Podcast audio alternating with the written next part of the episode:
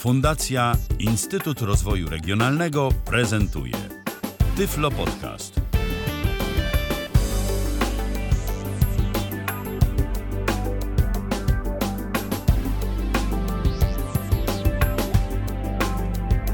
Kalendarzu mamy czwartek, to 18 dzień października 2018 roku. Minęła godzina 19. Rozpoczynamy kolejne spotkanie na antenie Tyflo Radia z Tyflo Podcastem na żywo. Dobry wieczór wszystkim, witam bardzo serdecznie. Przy mikrofonie Michał Dziwisz, a dziś temat, nie ukrywam, dla mnie dość abstrakcyjny, ale mój dzisiejszy gość, mam nadzieję, wszystko będzie w stanie Wam bardzo dobrze wyjaśnić, bo dziś będziemy rozmawiać trochę o animacji, trochę o grafice i o tym, na ile osoby słabowidzące y, i niewidome mogą z tego typu rzeczy skorzystać. A moim dzisiejszym gościem jest Justyna Margielewska. Witaj, Justyno. Cześć, witaj. Mam nadzieję, że słychać mnie. Tak, słychać, słychać, e, słychać Cię głośno i wyraźnie i mam nadzieję, że nasi słuchacze również dobrze Cię słyszą. E, ja jeszcze zanim rozpoczniemy naszą rozmowę, dodam tylko, że audycja, jeżeli słuchacie jej na żywo, czyli 18 października, jest formą interaktywną, jest programem w formie interaktywnej, więc możecie do nas dzwonić 123 834 835, przypomnę raz jeszcze, 123 834 835. No to tyle takiego formalnego wstępu na dobry początek, a teraz Justyno, y, z racji tego, że jesteś na antenie Tyfloradia po raz pierwszy, to bardzo bym chciał, żebyś naszym słuchaczom się jakoś przedstawiła. Czym się na co dzień zajmujesz? Zajmuję się tworzeniem filmów animowanych, to tak po amatorsku, troszeczkę profesjonalnie, taka pasja. A oprócz tego pracuję w Fundacji Wygrajmy Razem, która y, stara się aktywizować zawodowo osoby niepełnosprawne, zwłaszcza w sferze kultury i sztuki. Większość pracowników fundacji, moich kolegów i koleżanek zajmuje się muzyką, ale ja akurat, jak już wcześniej Tobie troszeczkę opowiadałam przed rozmową z widzami, fascynuję się filmami animowanymi. Z tymi filmami animowanymi to była dość taka wesoła historia, to może tylko tak na szybko powiem, że zaczęła się od tego, że w podstawowej szkole chodziłam do kina, a ja jako osoba słabowidząca y, w obraz w kinie miałam najlepiej, widziałam niż wtedy niż telewizji, to po prostu postanowiłam, że będę robić takie filmy, bo mi się strasznie podobały. Nie musia, przez to, że nie musiałam się zastanawiać, jak te filmy wyglądają, te postacie w tych filmach. Rozumiem. A y, z ciekawości zapytam, y, twój wzrok, jak, jak dużo widzisz? Na ile jesteś w stanie z tego wzroku y, korzystać tak w codziennej pracy? Potrzebujesz jakiegoś powiększenia? Potrzebujesz wyświetlania elementów na przykład na ekranie komputera w kontraście, czy jak to jest? No to jest dość ciekawa sprawa, że mi jest trudno powiedzieć procentowo, ile jaki miałam wzrok, ponieważ ja jestem, mam takie choroby wcześniacze. Czyli mi się po prostu oczy nie do końca prawdopodobnie wykształciły od środka plus choroby siatkówki. Jeśli chodzi o tekst, o tekst, to dobrze mi się czyta na kontraście, kiedy mam czarne tło, natomiast literki mam białe w systemie. Tak czytanie mam ułożone y, w moim komputerze w przypadku edytora tekstowego, przy czym sam, y, samo jakby główne okno, gdzie pisze mi się tekst, wolę mieć białe. Po prostu tego się nie potrafię przełożyć przerzucić na to. Natomiast wszystkie programy graficzne, gdzie mam mało tekstu i ten tekst powinien mi się wyróżniać spod tego rysunku, to ma właśnie na ciemnym tle powiększonym, co sprawia y, różne przygody czasami, bo ten tryb ustawienia komputera sprawia, że nie zawsze wszystkie programy graficzne chodzą albo są dla mnie dostępne, o czym też będę wspominać później, myślę. Jasne, że tak. E, tak jak wspominałem na początku naszej dzisiejszej audycji, porozmawiamy sobie generalnie też o animacji i od tego myślę, że możemy zacząć. Co to właściwie jest animacja? Bo szczerze powiedziawszy, kiedy ja słyszę o filmie animowanym, o czymś e, tego typu, to kojarzą mi się czasy mojego dzieciństwa i bajki poniedziałkowe w telewizyjnej jedynce, z których to szczerze mówiąc wiele nie udało mi się nigdy wynieść, bo tam się pojawiał na przykład Reksio yy, i Reksio, nasi starsi słuchacze zapewne też to doskonale pamiętają, ale yy, dla młodszych, którzy nie wiedzą co to, kto to był Reksio, to powiem, że był to taki piesek i ten piesek miał różne przygody. No i wszystko fajnie, tylko w tym filmie, a właściwie w tym serialu takim animowanym, można tak to określić, była tylko i wyłącznie sama muzyczka, która ilustrowała przygody Reksia. Jeżeli Reksio był wesoły, no to muzyczka była wesoła. Jeżeli coś tam mu się złego działo, to, to, to ta muzyczka była smutna. No i wiele więcej nie dało się wywnioskować y, z jego przygód. Y, a no, audiodeskrypcji jeszcze wtedy nie było, więc w żaden sposób nie udało się odgadywać, co tam właściwie się z tym pieskiem dzieje. Czy to tak zawsze jest z filmami animowanymi, czy to nie jest y, regułą? To nie, jest, to nie jest regułą. Może zacznijmy od tego, że słowo animacja, tam ruch, ożywianie przedmiotów kiedyś było zarezerwowane do malowania lub wyklejania albo lepienia postaci, czyli tworzenia filmów rysunkowych. A dzisiaj, a dzisiaj jak widzę także animator zabaw dla dzieci, nie? A ja, jaki animator zabaw dla dzieci? Aha, to jest taki nauczyciel. Po prostu słowo animacja, anima, animator już się rozlazło na kilkanaście dziedzin co najmniej, natomiast my bądźmy przy tych filmach rysunkowych. Oczywiście yy, to jest tak, jeśli chodzi o tego Reksia, no to tutaj jeśli widzowie, telewizowie, o, radiosłuchacze bardziej Y, są ciekawi, to ten piesek nawet nie był kundelkiem, tylko był terrierem. Dlatego latał jak poszarpany z jednej strony na drugą ekranu, bardzo szybki był. Mhm. I no, biały piesek z łatką nawet przypominał terriera, bo potem y, jak znajomi mają pieska terriera i rzeczywiście Reksia przypomina. Y, natomiast dlaczego nie tworzono dialogów? A audiodeskrypcja już była, tylko oczywiście... No, tylko nie w Polsce. Tak, y, zawier zawieruszenia historyczne i tak dalej. To biorą, wiesz, trzeba brać to pod uwagę. Y, natomiast dlaczego tworzono filmy, może zacznę od dlaczego, technicznie, dlaczego nasze filmy polskie, y, część animacji nie miała dialogów? Ponieważ problemem jest nagranie dialogów, kwestii mówionych do filmów rysunkowych klasycznych, ponieważ trzeba, trzeba na tych obrazkach byłoby zaznaczyć y, każdy ruch ust. I teraz, y, i proszę sobie wyobraźcie tutaj słuchacze, że do dziś w wielu programach do filmów, tworzenia filmów animowanych chyba nie za bardzo nie ma rozpiski na polskie jakby wymawianie tych naszych sylab, tego trzy, zi, si, sama się na tym łapię, nie ukrywam. To jest jeden problem. Oni, twórcy, wzięli pod uwagę, że nie będą robić filmów tych klasycznych. Zaraz wytłumaczę, dlaczego mówię klasycznych, y, z dialogami, ponieważ uznali, że y, pokazywanie filmów bez dialogów ułatwi zrozumienie tych filmów za granicą, że oni jako, bo Polska Ludowa wiadomo miała brak, wieczny brak środków na tworzenie filmów animowanych, że jeśli oni będą je robić bez dialogu, to one będą zrozumiałe na cały świat, że dziecko w Chinach Y, oglądając przygody Reksia, tak się, uśmieje się z tego samego powodu, co Polak.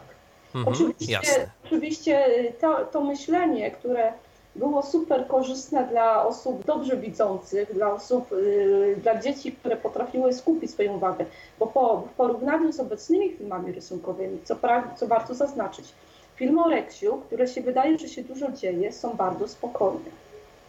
Naprawdę, są bardzo spokojne. Tam naprawdę dużo w tych filmach się nie dzieje tylko właśnie brak tych dialogów, brak tych podpowiedzi, bo czasami były tak jakby zabawy słowne, tylko, tylko na czym polegało. Na przykład się podchodził y, do koguta i barana, którzy się kłócili i nad, jest taka scena, pamiętam, że nad głową Reksia w pewnym momencie pojawia się komiksowy dymek i pokazywany jest rysunek barana, jakby ty, do, jakby mówił do barana, kogucie, ty baranie, że ty głupku, ty baranie jeden.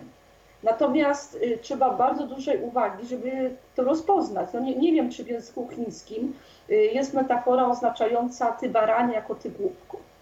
Ale ci twórcy tak właśnie dochodzili do wniosku, że nie będą tworzyć filmów animowanych, bo po pierwsze nie za bardzo opracowano sposób właśnie y, rysowania jakby ruchów pyszczka dla sylab, które by polski aktor głosowy podkładał. Teraz to zrobili, od razu to raczej zrobili, ale wcześniej to był problem.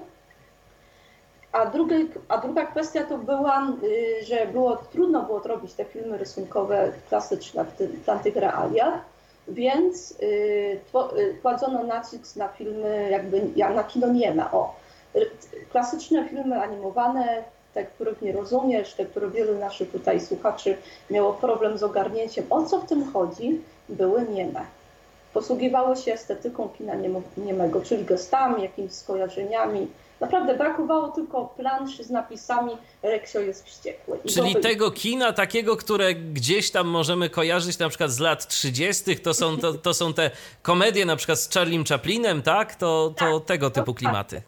Tak, tak, szła, tak, taki humor też szła polska animacja klasyczna. A teraz, żeby było jaśnie, ponieważ to tutaj klasyczna animacja, co ja mam na myśli mówiąc klasyczna animacja?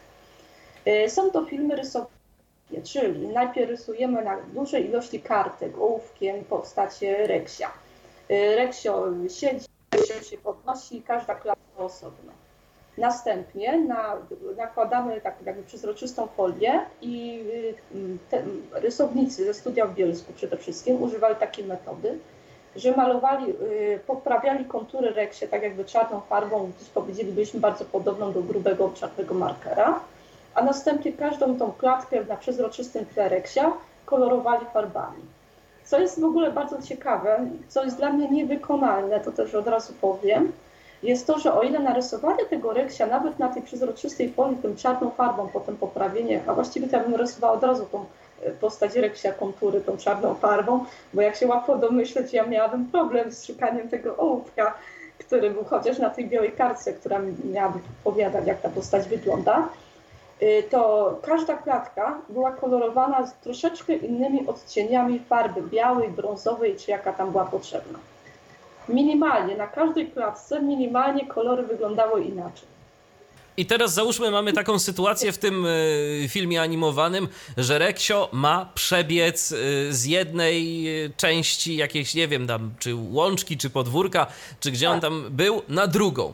To teraz, jak rozumiem, każdy krok Reksia to była jakaś pojedyncza ilustracja, w której musiało to wszystko zostać odzwierciedlone. Czyli na przykład, tak. że kiedy e, Reksio robił krok, to te łapki jego były tak, a nie inaczej zgięte. W kolejnym tak, kroku dokładnie. te łapki były zgięte w inny sposób, tak? Tak, dokładnie. Dokładnie na tym to polega. Czyli rysujemy masę bardzo podobnych obrazków. E, Pier Reksio w ogóle, teraz spróbuję ten ruch zilustrować. Miałby wysunięte dwie przednie łapki do przodu, do przodu, natomiast tylnie byłyby jakby do drugą, drugiej strony. Potem następnie miałby te przednie łapki zgięte, leciutko zgięte również tylnie. Następnie byłyby te łapki wszystkie tak blisko siebie, tak jakby skoku, że się jakby z powietrzu zawisnął. Następnie w kolejnej fazie przednie łapki idą jakby w, y, w dół, no i tylnie te zgięte są tak samo jakby w dół, a potem mamy dopiero jak piesek siada. Aha. To Czy... już jest kilkanaście rysunków. No tak, kilkanaście rysunków. Ile czasu tak mniej więcej trwa wykonanie takiego jednego rysunku, jeżeli ktoś jest dobrym rysownikiem? O, jak jest dobrym rysownikiem, to może, o ile postać jest bardzo prosta, Reksia akurat był dość prostą postacią, yy, to, to powiem tak, teraz zastanawiam się, ile mi zajmuje narysowanie postaci, którą mam powiedzmy od A do Z wyćwiczoną, bo to jest kwestia właśnie nauczenia się tej postaci. No może minuta, dwie, ale ale jak powtarzam, trzeba narysować 60 rysunków na przykład. No to już to mamy, to mamy mniej więcej dwie godziny, powiedzmy, na taką tak. jedną scenę. Tak. Okej, okay. i teraz mamy te rysunki, y, dajmy na to właśnie z Reksiem, który sobie biegnie i co, u, układamy je w jakimś urządzeniu, które ma tak. nam przewijać te kartki przed kamerą, czy jak to jest realizowane? Teraz wyjaśnię. Y, tym urządzeniem, które nam, nam, ma nam pomóc w pracy jest kamera ze specjalnym rzutnikiem, na tło, bo najpierw też wykonujemy na wielkim brystolu powiedzmy tło, na którym znajduje się reksio, potem nakładamy tą przezroczystą folię z pokolorowaną jedną fazą ruchu reksia. Y, dokładamy na urządzenie. Jedną fazą, czyli jedną klatką jakby, tak? Tak, jedną klatką, dokładnie. Mhm. Powiedzmy, że siedzący reksio na tle swojej budy. Y, pstrykamy zdjęcie, zdejmujemy y, rysunek z reksiem na przezroczystej folii i na to tło budy nakładamy na przykład jak on się lekko już podno- ziewa, nie podnosi z, z miejsca. I kolejne zdjęcie. I to jest kamera do zdjęć poklatkowych, tak to się nazywa. Tak to było przynajmniej w studiu bielskim, jak miałam przyjemność ją oglądać. I z jaką prędkością potem to wszystko jest przesuwane? Y, ile to czasu trwa? Dajmy na to, mamy te 60 klatek, 60 rysunków Reksia. To na ile czasu takiej bajki nam to starcza? Na ile nam starcza? 60 klatek. Mamy dwa, y, na sekundę mamy 21 na 24 klatek standardowo. Czyli mamy tak naprawdę 3 sekundy. 3 sekundy robione w dwie godziny.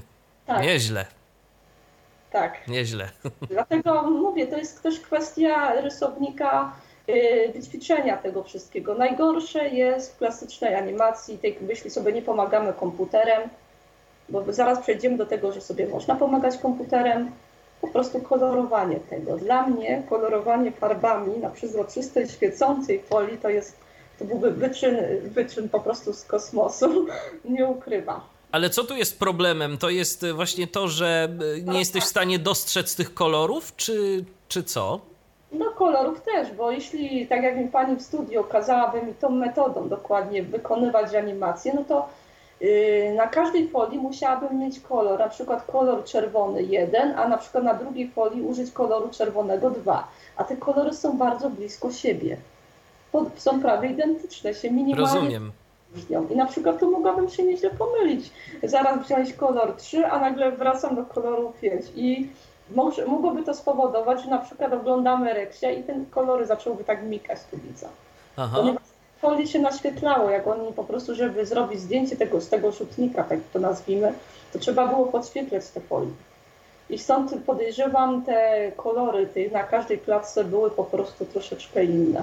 Czyli ty jako osoba słabowidząca i posiadająca talent y, plastyczny, to jesteś w stanie narysować na przykład takie Tak, właśnie... bez problemu. Mhm. Bez problemu mogłabym wziąć czarnego pisaka, dzisiaj, w tych dzisiejszych czasach dysponujemy markerami plastycznymi i mogłabym na tej folii, nawet nie rysując na kartce i odrysowując na tą folię, tak jak ci rysownicy to robili, tylko na tej folii mogłabym rysować masę postaci Reksia, który sobie fika koziołki, biega, nawet mówi, bo to, to też mówię, tak jak mówię, to jest do kwestia, to jest o dziwo do ogarnięcia ale jakbym miała ręcznie kolorować je tymi farbami, które były dostępne do kolorowania na tej folii, oj, tu bym miałabym problem.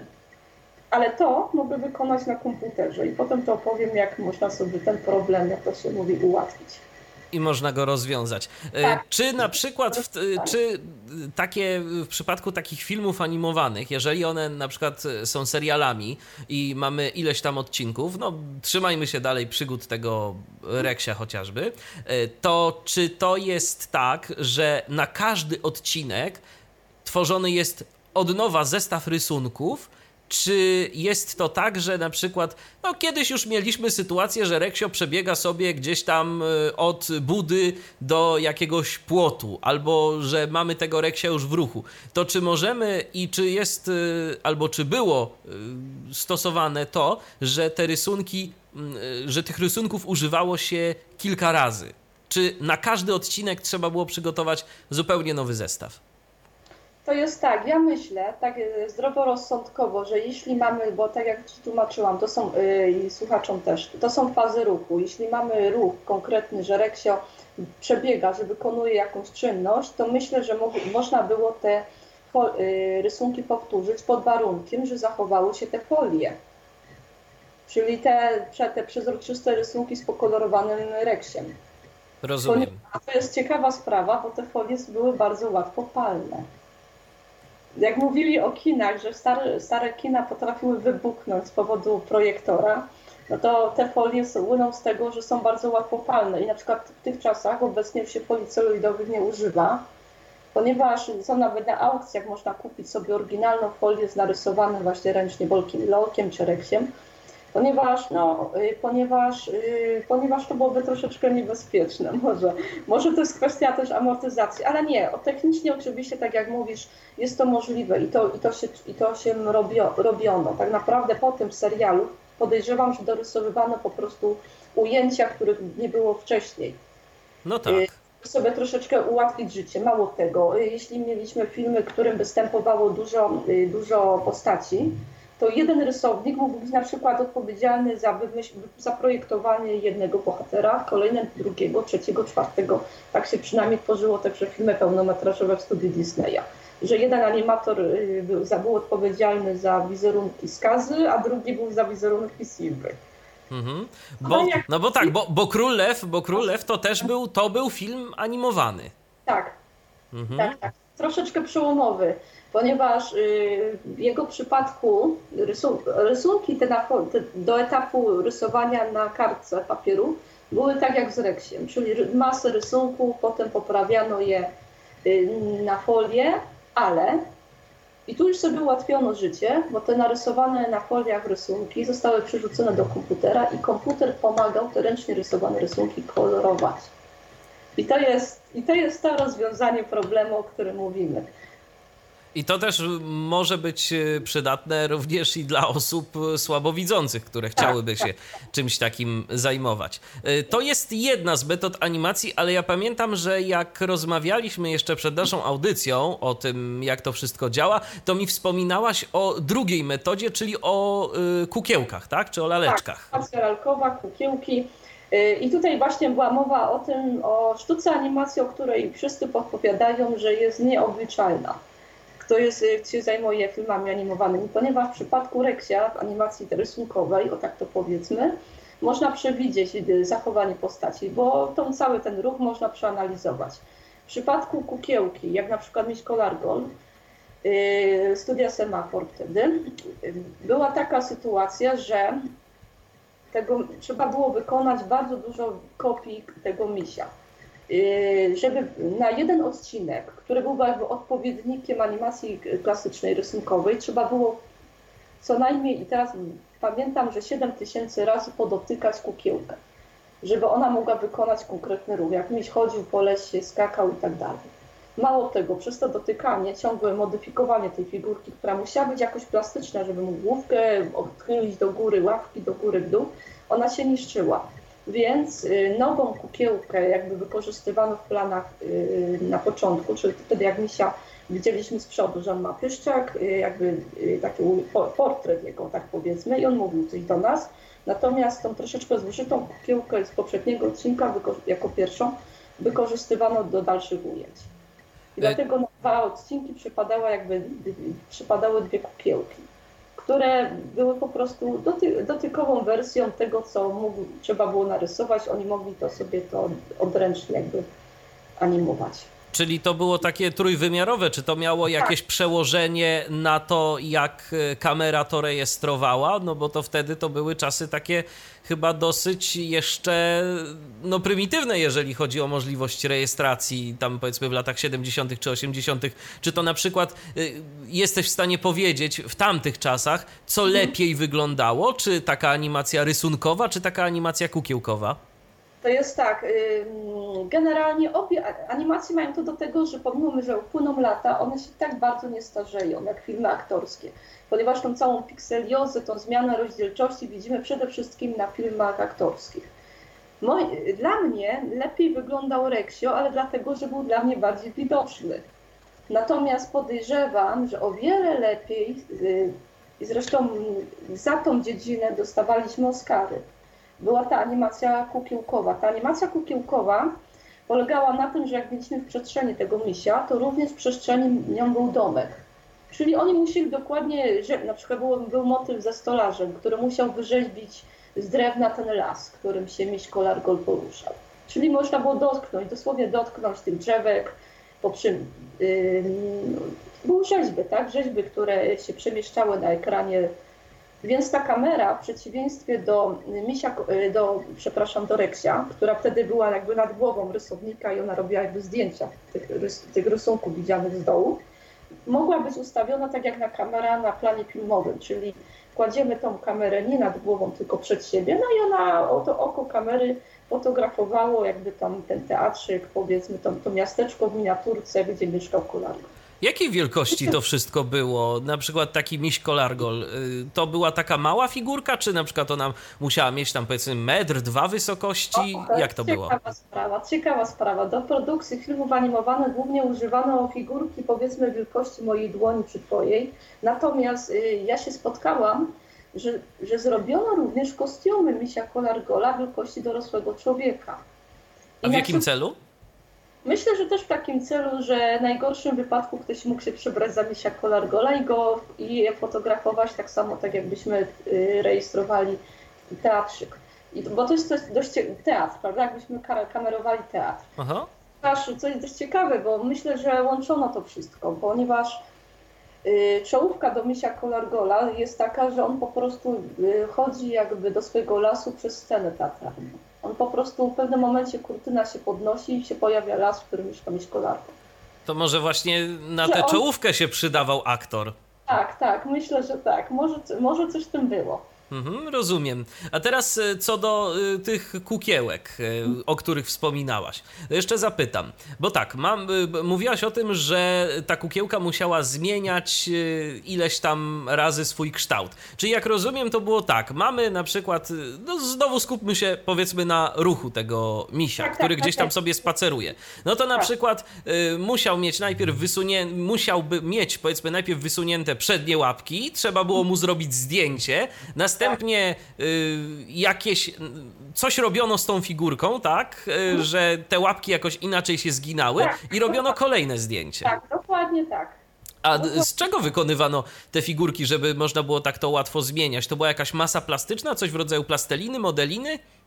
No właśnie, to jest bardzo ciekawa sprawa, ponieważ o ile figurka miała jakby futerko y, z materiału, które imitowało futerko tekstylnego, które zresztą kupiono we Francji, bo nie było e, na to środków w Polsce Ludowej, po prostu nie było w sklepie. E, natomiast ja podejrzewam, że ona mogła mieć taki szkielet drucikowy i po prostu na zasadzie e, być wykonana z jakiejś masy, potem właśnie nałożona na, tę figurkę, na tą figurkę właśnie to futerko czy inne elementy, ale ona właśnie musiała mieć taki swój szkielet z drucików, że kiedy się przesuwało tą figurkę, można było modyfikować te elementy. Rozumiem. Tak że tak jak lalka Barbie, że mamy, że możemy ją troszeczkę, tylko ona jest wiadomo plastik, to na pewno nie był plastik, yy, ale na tej zasadzie. Rozumiem. No powiedzieliśmy o tym, jak robiono to kiedyś, jak zajmowano się animacją yy, w latach powiedzmy 80., a mhm. powiedz mi, jaki jest współczesny warsztat kogoś, kto zajmuje się animacją? Czy sporo się zmieniło, czy nie tak znowu wiele? To jest tak, niby zmieniło się sporo, bo pewne rzeczy można wykonać szybciej, ale podejrzewam, że jak na warunki polskie, to tak nie do końca. Y, pod, y, na, na przykładzie Bielskiego Studia, której obecnie jest chyba jedynym studiem takim najbardziej czynnie funkcjonującym, większość placówek, które robiły filmy, mają status muzeów. To moim zdaniem wykupujemy produkcje z zagranicy, co moim zdaniem chyba nie świadczy najlepiej. Y, ale łączy się te techniki. Pewne metody, które można zrobić tradycyjnie, tworzy się tradycyjnie, a większość rzeczy, a te, co są najgorsze, podejrzewam, że głównie te kolorowanie, zresztą chyba nie tylko ja bym na to narzekała, wykonuje się po prostu za pomocą programu komputerowego. Ale, no ale mówię, ja to już kiedyś pamiętam, że podsum jak podsumowaliśmy projekt z warsztatu tworzenia filmów animowanych, ja to cały czas powtarzałam, że Komputer tylko y, y, ułatwia pracę, natomiast nie wyręcza. To nie jest tak, że komputer po prostu sam narysuje te, ileś tych rysunków i potem sam to zmontuje, sam nałoży dźwięk. To też, no, też taka kolejna historia. Y, no dobrze, ale powiedzmy, zacznijmy od tego, bo ty, ty się pytasz, jak to się robi obecnie. Tak. Można robić obecnie, żebyśmy się tutaj nie przeszli na kolejny wątek. Więc pierwszym elementem jest oczywiście narysowanie postaci. Możemy narysować naszą postać na kartce, później narysować naszą postać na kartce, następnie moglibyśmy, tylko tak jak mówię, ponieważ to jest łatwopalne, to już się tego na tej folii nie stosuje, więc żeby mieć ten efekt tej przezroczystej folii, tej kolorowej postaci na przezroczystym tle, wrzucamy nasze szkice do komputera i za pomocą programu graficznego po prostu poprawiamy nasz rysunek i pozbywamy się jakby tej, tych niepotrzebnych elementów tła czyli tej białej kartki, tego tła białego, które nasz, otacza naszą postać. Bo to jak rozumiem można wyciąć. Jeżeli mamy tak. odpowiedni program, odpowiednie narzędzie, da się tego pozbyć. Tak, da się tego pozbyć. I tutaj, i tutaj y, jak, jak wiele rysowników, tak wiele jest programów do wycinania i do kolorowania. A czy jeżeli wycinamy, a czy jeżeli wycinamy na przykład, to wycinamy to jakby tak przestrzennie, to znaczy jeżeli na rysunku yy, mamy środek także, który jest jakimś tam białym obszarem, to też się go pozbywamy, czy wycinamy tylko to, co jest naokoło? To, co jest y, białym obszarem, co chcemy się pozbyć, to też możemy. Mhm. Czyli na przykład, jeżeli, bo, bo, jeżeli rysujemy, dajmy na to kółko, takie zwykłe kółko chcielibyśmy wykorzystać je w animacji, a tak naprawdę to okrąg, powiedzmy, mhm. tak ściśle się wyrażając. Mamy okrąg, to wycinamy zarówno to, co na zewnątrz i wycinamy to, co ze środka. Oczywiście jest taka możliwość. Wystarczy za, po prostu zaznaczyć myszką środek koła, który ma się stać okręgiem, dać delay i gotowe. I poszło, jasne. Poszło. Y, rysunki wprowadza się do komputera, jak rozumiem, przy użyciu skanera. To tak. jest zwykły jakiś skaner, czy jakieś specjalistyczne narzędzia się stosuje? Jak to jest? Może być zwykły skaner, tylko ważne jest, aby po prostu przy opcji skanowania wybrać sobie na przykład najlepszą rozdzielczość, żeby to było ostre, żeby ten rysunek nam się nie spikselizował, aczkolwiek zaraz to wytłumaczy, że rysunek w takim stanie surowym ze skanera jest grafiką rastrową.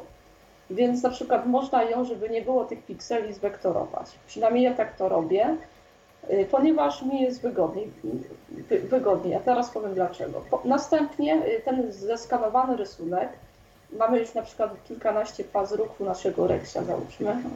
Co ja, przepraszam, nie reksia, ja nie rysuję reksia, nazwę rysicę Urszulę, bo to jest moja postać. Okej. Okay.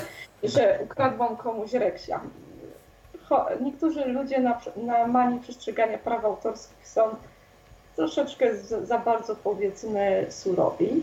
Więc narysowałam na kartce papieru czarnym pisakiem rysicę Urszula. Chcę ją pokolorować, więc wrzucam do skanera.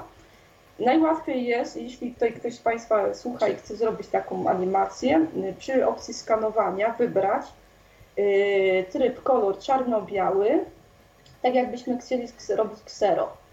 Y, tryb kolor czarno-biały i 300, potem wybiera się ostrość, może być 150 dpi, 300, 600. Jeśli nasz skaner pozwala na 600, proponuję na 600. Im więcej, tym lepiej. Tak, im więcej tej ostrości, tym lepiej, ale 300 to ci wystarczy. Więc wrzucamy sobie na przykład, powiedzmy to 600 dpi, y, mamy tryb y, ksero, czyli rysunek czarno-biały oraz format pliku, bardzo ważne unikajmy formatu JPEG. Bo JPEG, tam jest kompresja. Po prostu JPEG wszystko nam rozmaże. Wybierzmy sobie format PNG na początek i skanujemy. Mamy już plik PNG. A z ciekawości zapytam, a propos tych formatów, nie lepiej na przykład stosować TIFF, yy, który chyba jest większy, jak dobrze pamiętam? Czy... Można stosować TIFF, ale ja dlaczego powiem, dlaczego używam PNG. Aha. Yy, jeśli chcemy, nie chcemy, jeśli chcemy ten rysunek nie modyfikować już na programach graficznych, tylko na przykład dać do druku, to oczywiście TIP. I potem najlepiej jeszcze zmienia się kolory, tryb y, kolorów, żeby mogło to pójść do druku, bo to też nie powinny być do, koń, do końca te kolory, które są na skanerze. Ale my tutaj mówimy o rysunku, który chcemy zmodyfikować. Mhm. Więc wybieramy sobie mm, PNG nie, albo TIFF, jak ktoś chce, ale nie sądzę, żeby. To też jest kwestia mocy komputera.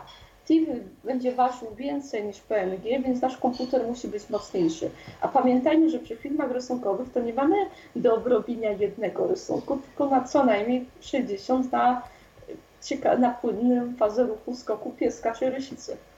Więc tych rysunków będzie. Więc będzie tego trochę i oprócz tego, że nasz komputer powinien się wykazać solidną mocą obliczeniową, to się zaopatrzmy w jakiś duży, twardy dysk. Tak, dokładnie. I podejrzewam, że 1 tera to niekoniecznie jest y, duży dysk.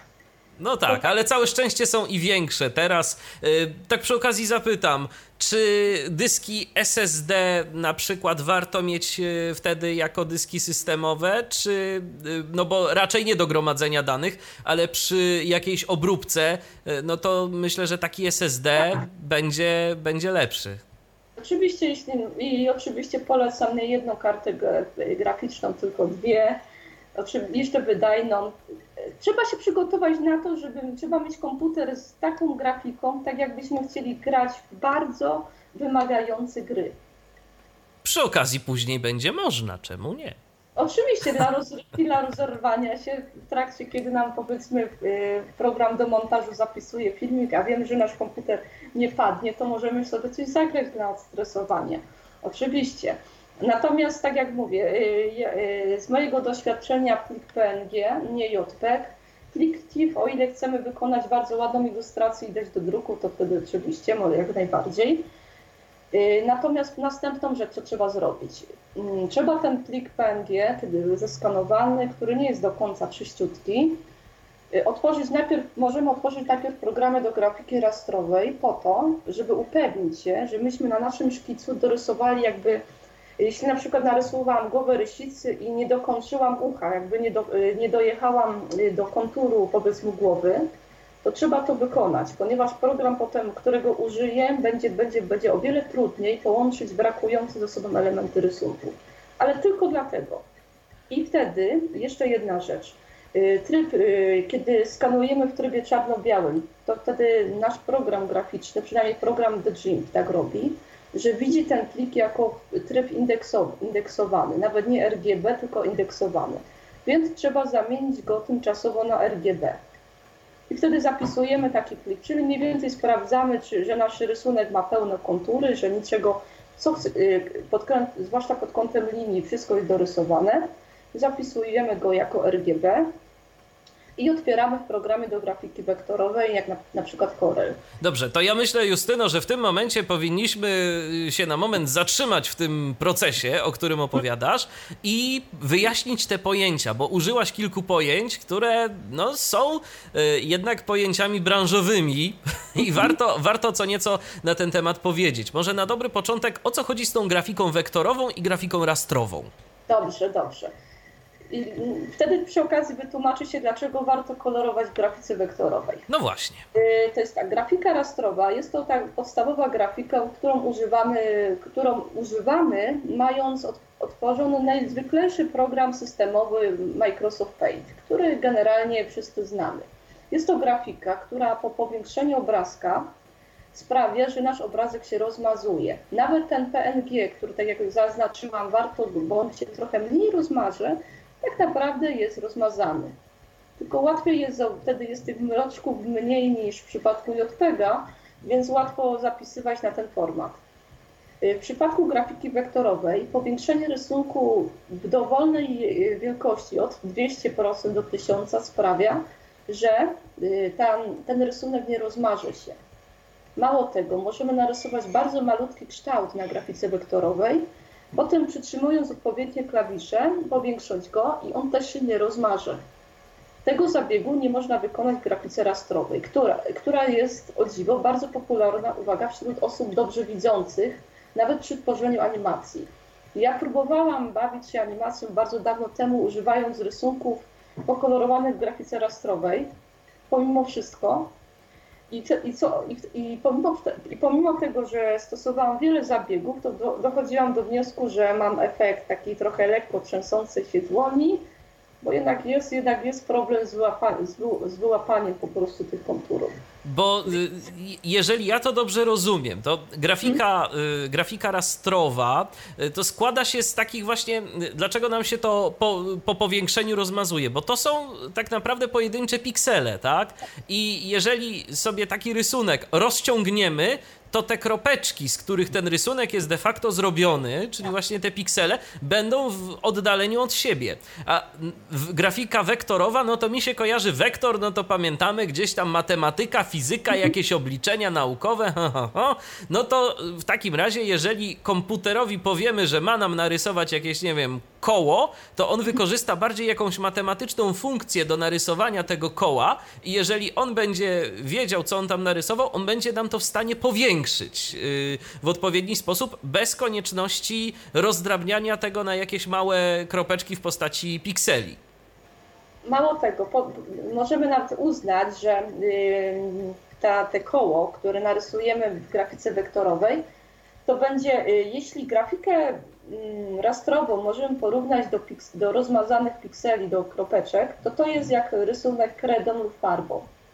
Natomiast grafika wektorowa jest jakby rysunkiem jednolitym. Po prostu jest tylko ten konkretny kształt, ta, ta, te, te kontury właśnie są takie, jakby się wydawało, że mm, mamy, o, żebyśmy to się dobrze zrozumieli. Weź, weźmiemy plastelinę i ulepimy z, i zrobimy z plasteliny placek, tak jakby na omlety taki kształt. Aha. To my dotykając tego i plasteliny, tego omleta, nie jesteśmy w stanie powiedzieć, y, gdzie jest y, pod kątem koloru, że używamy tylko jednej plasteliny, że to wszystko ma taką samą fakturę.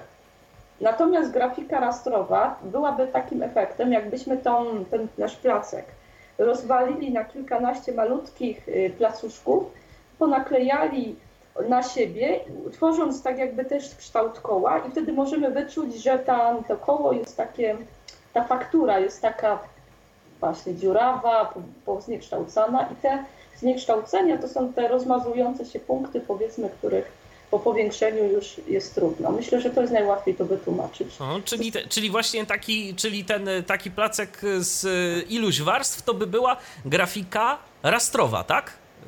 No pod warunkiem, że te warstwy właśnie tak się nałożą na siebie, poroz, poroz, zniekształcą, to, to tak, to wtedy grafika rastrowa, że niby wiemy ogólnie, że to jest placek, ale jak się zaczynamy bliżej temu przyglądać, to zauważymy, że ten placek ma jakieś wyblakłości, dziury, że ten kształt się jakby zatraca. Ale czy to nie jest tak, to tak, tak, tak właśnie jeszcze przychodzi mi do głowy, yy, czy to nie jest trochę tak, że jeżeli stosujemy grafikę rastrową, to mamy mhm. większą swobodę w rysowaniu, ale co za tym idzie, właśnie ty wspominałaś coś o tym, że jest jakiś efekt y, na przykład trzęsącej się ręki albo mhm. coś, albo coś tego typu, to czy nie chodzi o to, że po prostu wtedy jakby bardziej ta grafika, która jest zbudowana właśnie z tych pikseli pojedynczych, ta grafika rastrowa odzwierciedla dokładnie to, co my robimy, a grafika wektorowa to jest taka jednak bardziej trochę y, wyliczone to wszystko i jest to takie trochę bardziej precyzyjne, nieco bardziej powiedziałbym nawet, że sztuczne? Nie, no właśnie nie.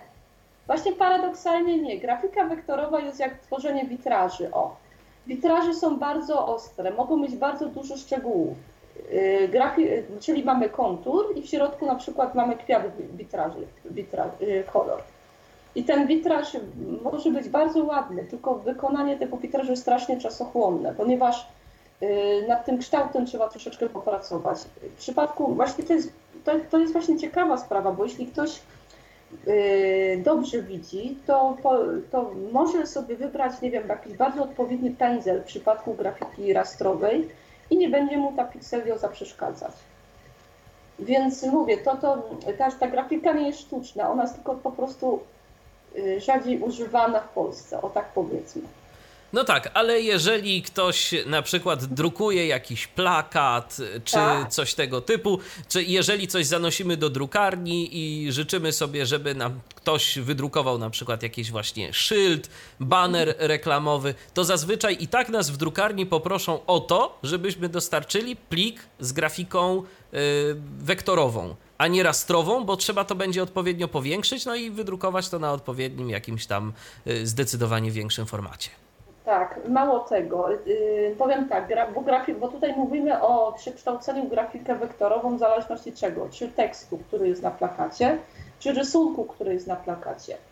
Grafika rastrowa ma to, ma to ograniczenie, że jeśli mamy zdjęcie trochę takiej średniej jakości, no to może ono być fajnie wyglądać na formacie A4, a tak jak już cały czas o tym wspominamy, na formacie A3 ono się już całe roz, rozmaże.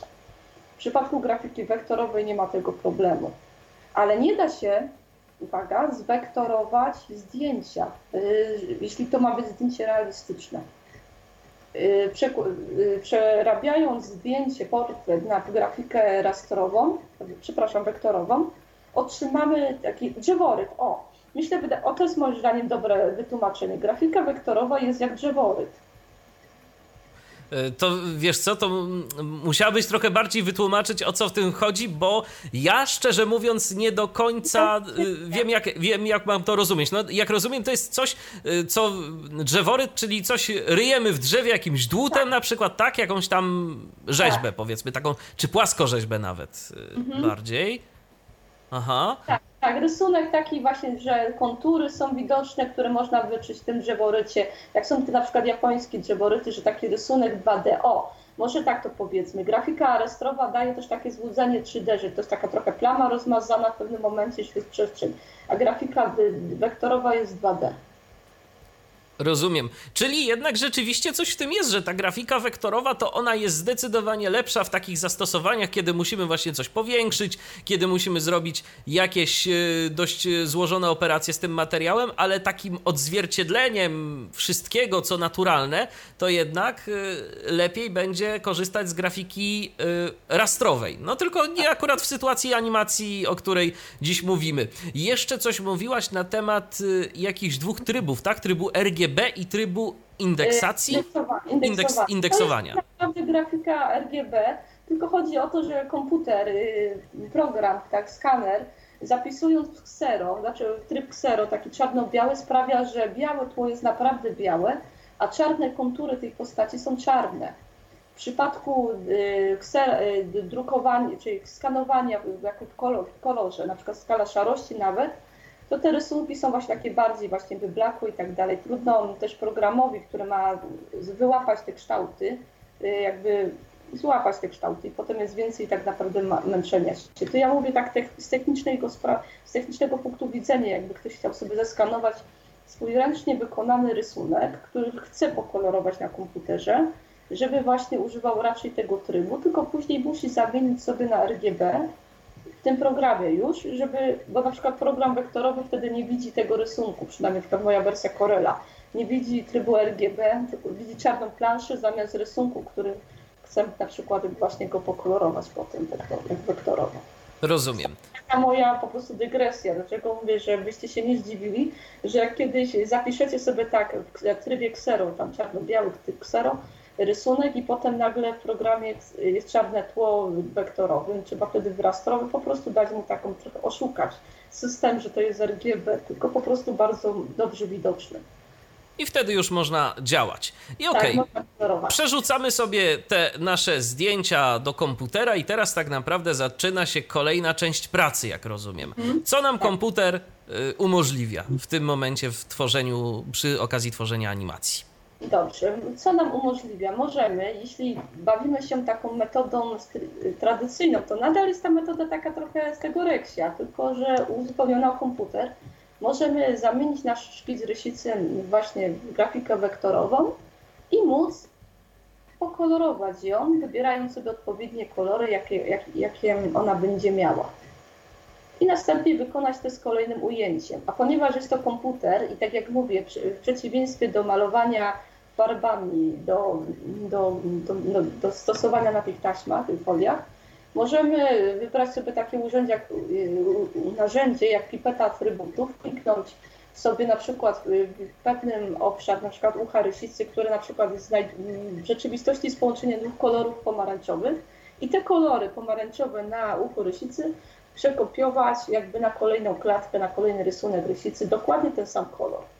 Czyli po prostu możemy skupić się na pokolorowaniu tak naprawdę jednego ujęcia, a potem już tylko zajmować się tymi zmianami. Tak, tak. Mhm. Czyli w tym nam pomoże, czyli w tym nam pomoże komputer, e, ale jak rozumiem, e, te klatki, które gdzieś tam powiedzmy mamy do zrobienia, to to nie jest tak, że rysujemy sobie tylko jedną postać tej rysicy, to rysujemy sobie ileś tych postaci. Tak, tak, tak. Kolejne postaci, z którymi się spotyka, mało tego, z którymi też rozmawia, więc... Nie, chodzi mi, wiesz co, chodzi mi bardziej o te kolejne ujęcia, bo tak, Aha, jak, okay. tak, tak jak rozmawialiśmy na przykład o Reksiu, jak on sobie biegł gdzieś tam, to było ileś tych klatek. Czy tu tak, mamy tak. tak samo i musimy też tę rysicę twoją, którą y, tworzysz, narysować w iluś tych ujęciach, jak ona tam sobie gdzieś biegnie? Czy to jest tak, że rysujemy ją jedną i komputer potem możemy jakoś magicznie sprawić, że komputer nam to pozmienia w odpowiedni nie. sposób? Nie. Tak się nie da. A tak samo jak w przypadku reksia, czyli rysujemy kilkanaście rysunków rysicy, jeśli idziemy w tą metodę, i następnie ten rysunek, który właśnie komputer nam jakby ułatwia ten etap rysowania na tej folii bo w tą folią wtedy jest tak naprawdę program wektorowy, który właśnie, na którym kolorujemy te pojedyncze rysunki zeskanowane. Więc musimy wykonać znów y, na tyle dużo tych ujęć tej rysicy, y, klatek, tych zdjęć, tej każdego ruchu, czyli znów jak biegnie, skacze, czołga się i tak dalej, i żeby móc to potem zmontować. Okej, mówiłaś, że jeżeli wybierzemy tę metodę, czyli są jakieś inne jeszcze, tak? Są też jeszcze inne metody. Zaraz właśnie przejdziemy do tego, że skoro już mamy naszą rysicę, potem też mamy tło, które możemy wykonać w komputerze i ona będzie się pojawiać na tym tle. I potem to tło już potem przerzucić do programu do montażu wideo, zapisać te, te ileś tych rysunków z tym, już tych gotowych jako film, klip wideo i, da, i dać potem dźwięk do tego pliku. Ale jest jeszcze jedna metoda, o wiele przyjemniejsza i tutaj można sobie troszeczkę bardziej ułatwić sprawę, ponieważ y, stosując na przykład program Adobe, Adobe Flash, Flash po prostu, będzie, bo ja zawsze Adobe, mówię na to Flash po prostu, jest to program na przykład do tworzenia animacji, który jest już tak jakby tą kartką, którą już nie musimy skanować, czyli możemy narysować odręcznie te nasze ileś tych podobnych rysunków Mało tego, ja w ogóle teraz jak już y, rozmawiam z Państwem, ja sobie pozwolę otworzyć ten program, pozwolę sobie wytłumaczyć, na czym to polega. Jasne. Akurat się składa, że właśnie mam przed sobą postać y, Gucia, chłopczyka, który występuje w tej animacji, którą robię, w drugi odcinek. Y, na czym, na czym generalnie, jak wygląda generalnie program do tworzenia animacji, który jest właśnie już tym powiedzmy stołem animatora plus skanerem, plus właśnie możliwością też kolorowania tych klatek i plus możliwością zapisu wideo tych, tego filmu. Na przykład teoretycznie można też tu już montować dźwięk, ale ja nie ukrywam, ja nie widzę, gdzie tu montować dźwięk. Ale montowanie dźwięku to sobie można poradzić na innej aplikacji. Więc program mój graficzny, którego używam, ma oprócz tego powiedzmy po środku tej kartki i, po, i pędzelka, który powiedzmy rysuje postać odręcznie, ma tak coś takiego jak oś czasu oś czasu. Na przykład mam kartka numer jeden. Na kartce numer jeden mam narysowanego akurat y, Gucia, który się na coś przygląda. Y, kiedy narysuję sobie ten jeden rysunek Gucia, przeskakuję tak jakby na kartkę numer dwa, y, której już, na której znajduje się już skopiowany ten rysunek Gucia z kartki numer jeden. Zapamiętał, po prostu zapamiętał tą kart, jakby kartka numer dwa. I ta kartka numer dwa, ponieważ ona będzie się troszeczkę odróżniać od kartki numer jeden, żeby miała tą iluzję ruchu, to mogę na przykład y, troszeczkę zmienić, wymazać sobie gumką, bo jestem na razie na etapie szpicu. Y, na przykład troszeczkę buzię Gucia, że on ją otwiera. I dorysować postać na przykład takiego błędnego ognika, który będzie się zbliżał do Gucia. Kartka numer 3. Mam jakby zapamiętany rysunek Gucia z opartą buzią, który jest zdziwiony, więc mogę na przykład zmienić mu rączkę, że on y, modyfikuje rysunek, że on wysuwa rączkę w stronę ognika, którego przesuwam, że on się zbliża do niego. Czyli rysuję tak naprawdę masę znów rysunków, ale o wiele szybciej. I już za pomocą komputera. Nie musisz tak, bawić się w skanowanie. Nie, muszę już go tej poprawiać i tylko już mam te szkice jakby wykonuję na komputerze. I to nadal jest grafika w ogóle taka, klasy, taka animacja klasyczna. Ja Ale czy ta postać tego Gucia, czy ta postać tego tak? Gucia powstała też na komputerze, czy ona powstała na kartce? Właśnie już powstała na komputerze, ponieważ tą kartkę, którą, anim, tą, to stanowisko tego animatora mam już w tym programie. A za pomocą czego y, rysujesz? Czy to jest po prostu klikanie myszką, czy na przykład posługujesz się jakimś tabletem, y, czymś tego typu? Powiem tak, y, póki, dopóki nie miałam tabletu graficznego, to oczywiście rysowałam myszką. Nawet na tym programie o dziwo myszka działa. Te rysunki dość fajnie wyglądają. Więc te kontury rysuję na tablecie. Tablet to jest tak jakby taka tak jakby karteczka wirtualna, plus y, piórko, które, y, którym jakby wykonując pewien ruch tym piórkiem na tej karteczce, w rzeczywistości pokazuje mi się obraz na, przed, przede mną na ekranie komputera. Aha. Czyli I... rysuję tak jakby na kartce, ale ona, ta kartka już jest, powstaje na komputerze, więc i mogę to robić to wszystko, co mogłabym wykonać ołówkiem, bo, bo jesteśmy, jestem dokładnie na tym etapie, czyli nie wyjdzie mi coś, wybieram sobie gumkę w programie, marzę, poprawiam. Y, ten program... A czy taki tablet, jeszcze zapytam, czy taki tablet y, mniej więcej odzwierciedla y, sposób rysowania, tak jakbyś to rysowała ołówkiem? Czy tak. trzeba, nie wiem, być na coś wyczulonym, że on powiedzmy jakoś wolniej reaguje albo nie tak wiernie od, um, odwzorowuje powiedzmy ruch ręki? Czy, czy jest to jakoś odczuwalne? Nie jest to odczuwalne. Jakby się yy, wyćwiczy, to nie jest odczuwalne, ponieważ ja rysuję jakby urządzeniem, którym nawet trzymam, tak jakbym trzymała ołówek czy pisak. Mhm.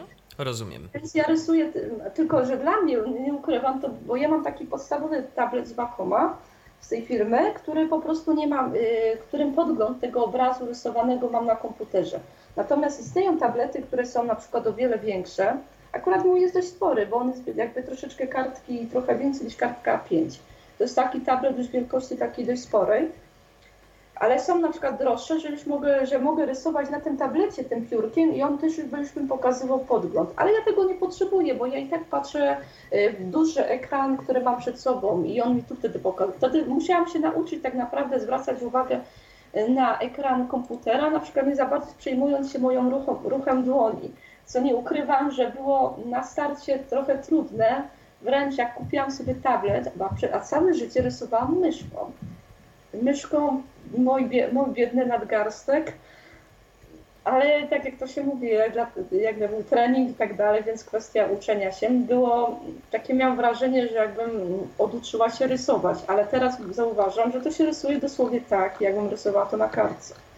Więc tą kartkę, tak jak już powiedziałam, mam na komputerze. Więc już nie muszę skanować.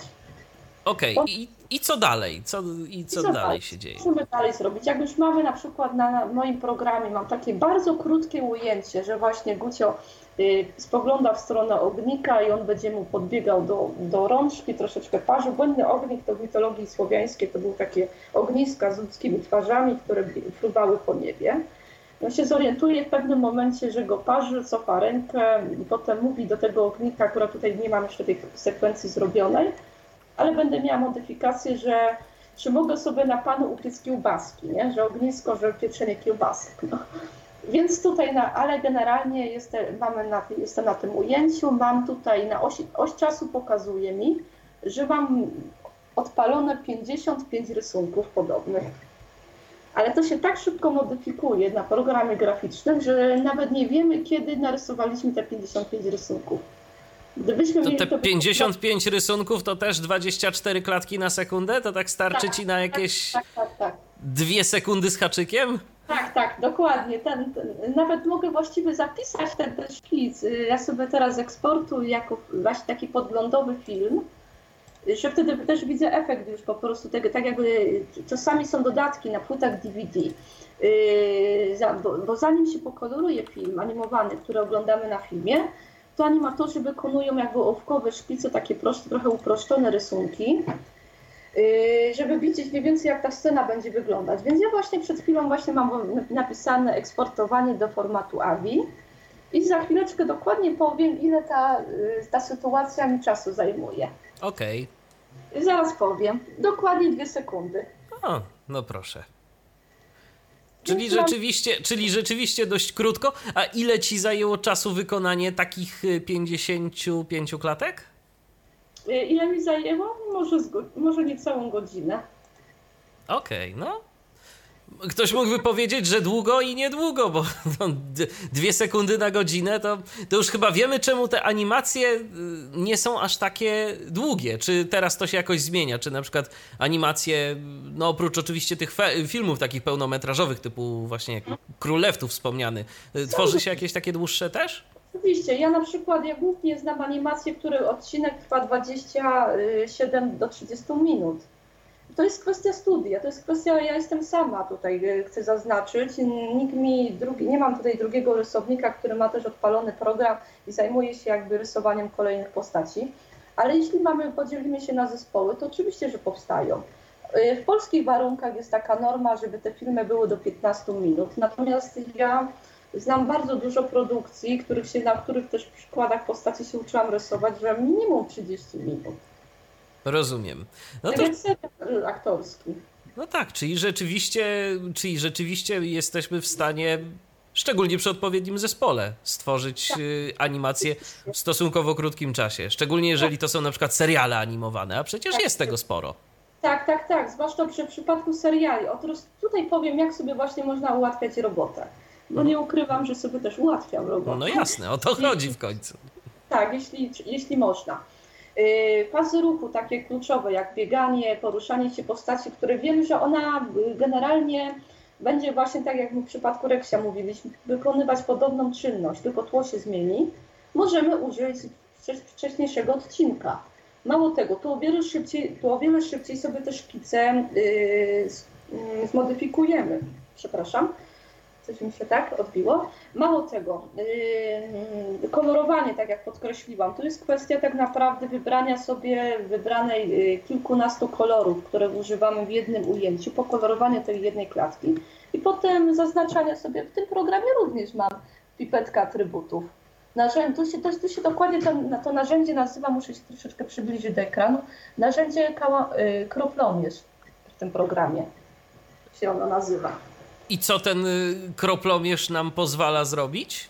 Y, pozwala mi zrobić to, że jeśli na przykład na rysunku 51 wybieram sobie kolor jasno-brązowy, którym będzie kolorem włosów Gucia, to klikając na kroplomierz, wybierając sobie rysunek powiedzmy następny, który jest pusty, nawet nie muszę, nie, nie specjalnie klikając na ten rysunek, tylko wybierając obiekt, czyli ten miejsce, gdzie mam gucio włosy, klikam tutaj, pojawia się dokładnie ten sam kolor. I mogę to y, przesuwać sobie, y, przesuwać sobie y, na przykład klawiszem Enter. Zatrzymuję, zatrzymuję, program mi się zatrzymuje na kolejnym ujęciu i ja daję kroplomierzem, klikam w odpowiednie miejsce, on ma już ma brązowe włosy.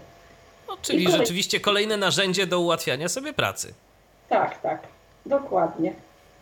Okej. Okay. I to jest y, proces y, powstawania mm, tej animacji, natomiast to jeszcze nie jest wszystko, bo jeszcze tu trzeba zadbać o kolejne elementy, czyli na przykład trzeba zadbać o dźwięk, czy o coś jeszcze oprócz tak, dźwięku? Tak, oczywiście, oczywiście. Na programy do tworzenia animacji, którego ja używam, przynajmniej ja go tak widzę, ponieważ wiem, że niektórzy dodawali sobie tu też dźwięk, ale ja nie polecam. Zwłaszcza, że możemy wywalczyć jakość tej animacji lep troszeczkę lepszej niż nawet ten program, on mi dał taki podgląd tej animacji, że on właśnie zbliża się do niego ognik, ale można potem po, yy, po narysowaniu tych wszystkich postaci, tak naprawdę sceny, bo nawet ta oś czasu to jest nawet tak podzielona. Oś czasu się nazywa i tutaj mamy edytor ruchu. Yy, scena pierwsza tutaj na przykład pokazuje, że to jest ten oś dla jednej sceny. Mogę sobie ich, ich tych osi troszeczkę porobić. Yy, po narysowaniu postaci, po dodaniu tła, na które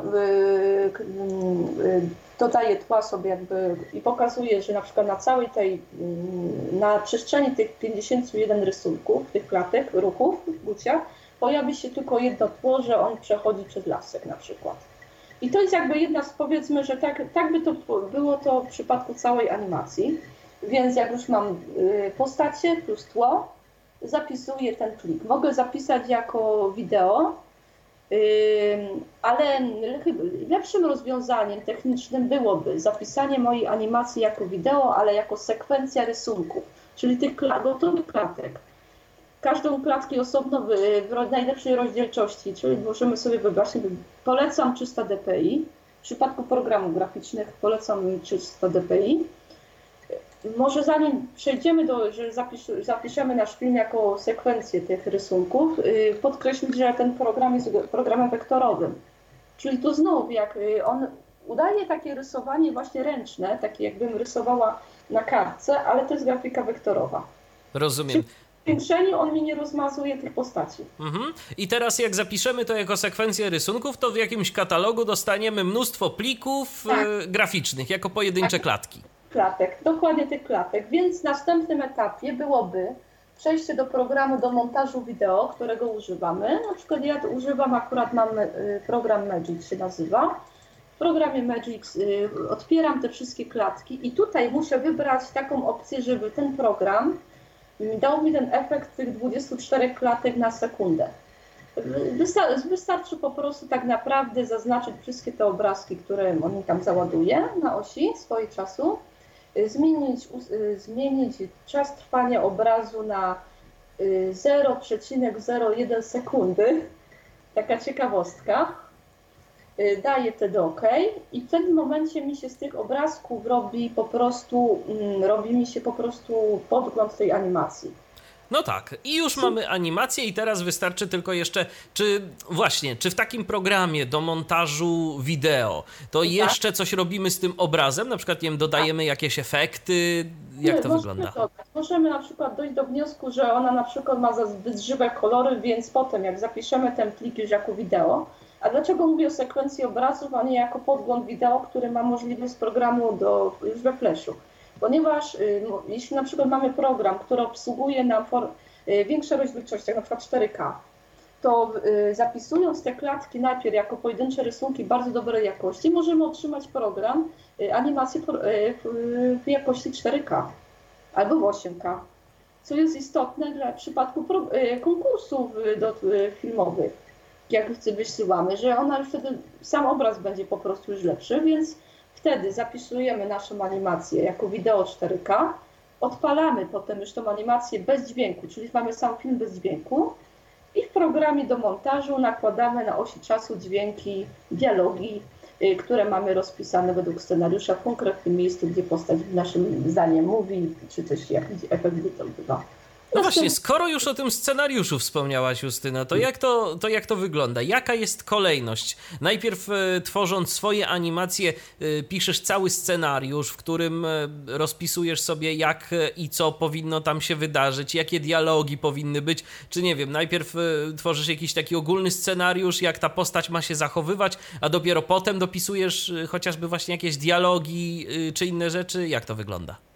To jest tak, jakbyśmy yy, chcieli, gdybyśmy byli studiem filmowym, to wyglądałoby tak, że najpierw napisalibyśmy ogólny scenariusz, taką, yy, który miałby formę takiej zmodyfikowanej, graficznie to byłaby taka zmodyfikowana sztuka teatralna. Bo tak się pisze taki klasyczny scenariusz filmowy.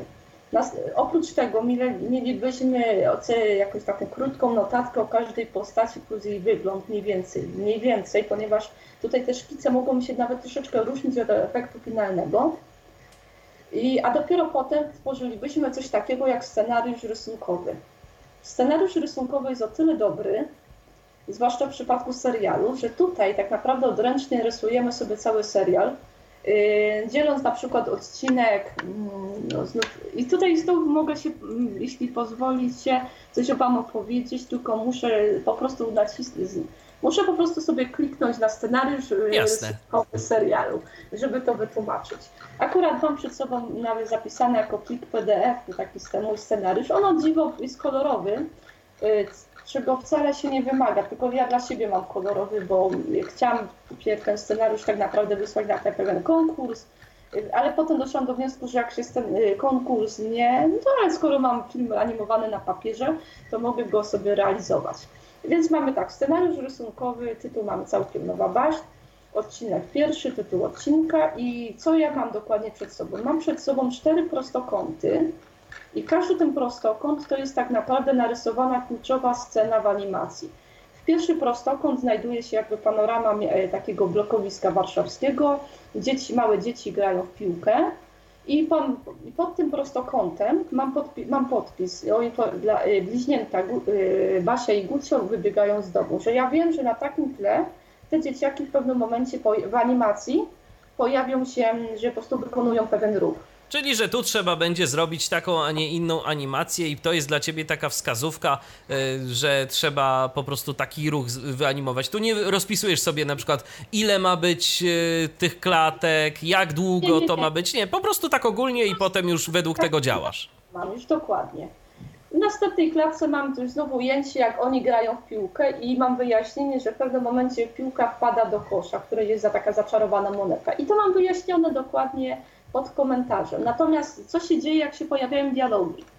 Bo to jest bardzo istotne. Dlaczego ten scenariusz rysunkowy, y, właśnie dialogi? Y, mam pokazaną postać Basi, która się zmówi do, do Gucia i mam dokładnie zapisane, co ona mówi. Fe, Gucio, zabierz stamtąd piłkę.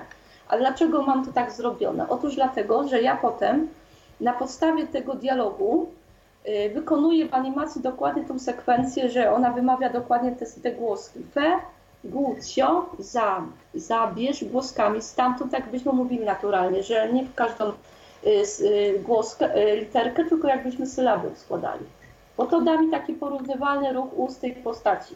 Z ciekawości, w jaki, sposób, w jaki sposób ty sprawdzasz, jak to powinno być odzwierciedlone, jeżeli chodzi o ruch ust? Stajesz przed lustrem, mówisz i, i patrzysz, jak to wygląda, czy, czy w jaki sposób? Czy to komputer już po prostu animuje odpowiednio? Sprawa, bo to nie, bo program do, do, anim, do tworzenia filmów animowanych, który używam, on jest zagraniczny, on teoretycznie ma opcję dopasowywania ruchu warg do mówienia ale podejrzewam, jak się łatwo domyśleć, że to jest dopasowywanie właśnie języka angielskiego. No tak, gdzie nie ma naszych polskich znaczków różnych. Dokładnie, dlatego lepszym sposobem było właśnie przeszukanie, przeszperanie internetu z góry wzdłuż i poszukanie sobie podpowiedzi, jak można ten problem rozwiązać. Otóż problem można rozwiązać tak, że ja sobie wykonałam taki mój notes, taką ściągawkę, gdzie mniej więcej mam zaznaczone, jak wygląda buzia, kiedy postać mówi spółgłoski, samogłoski.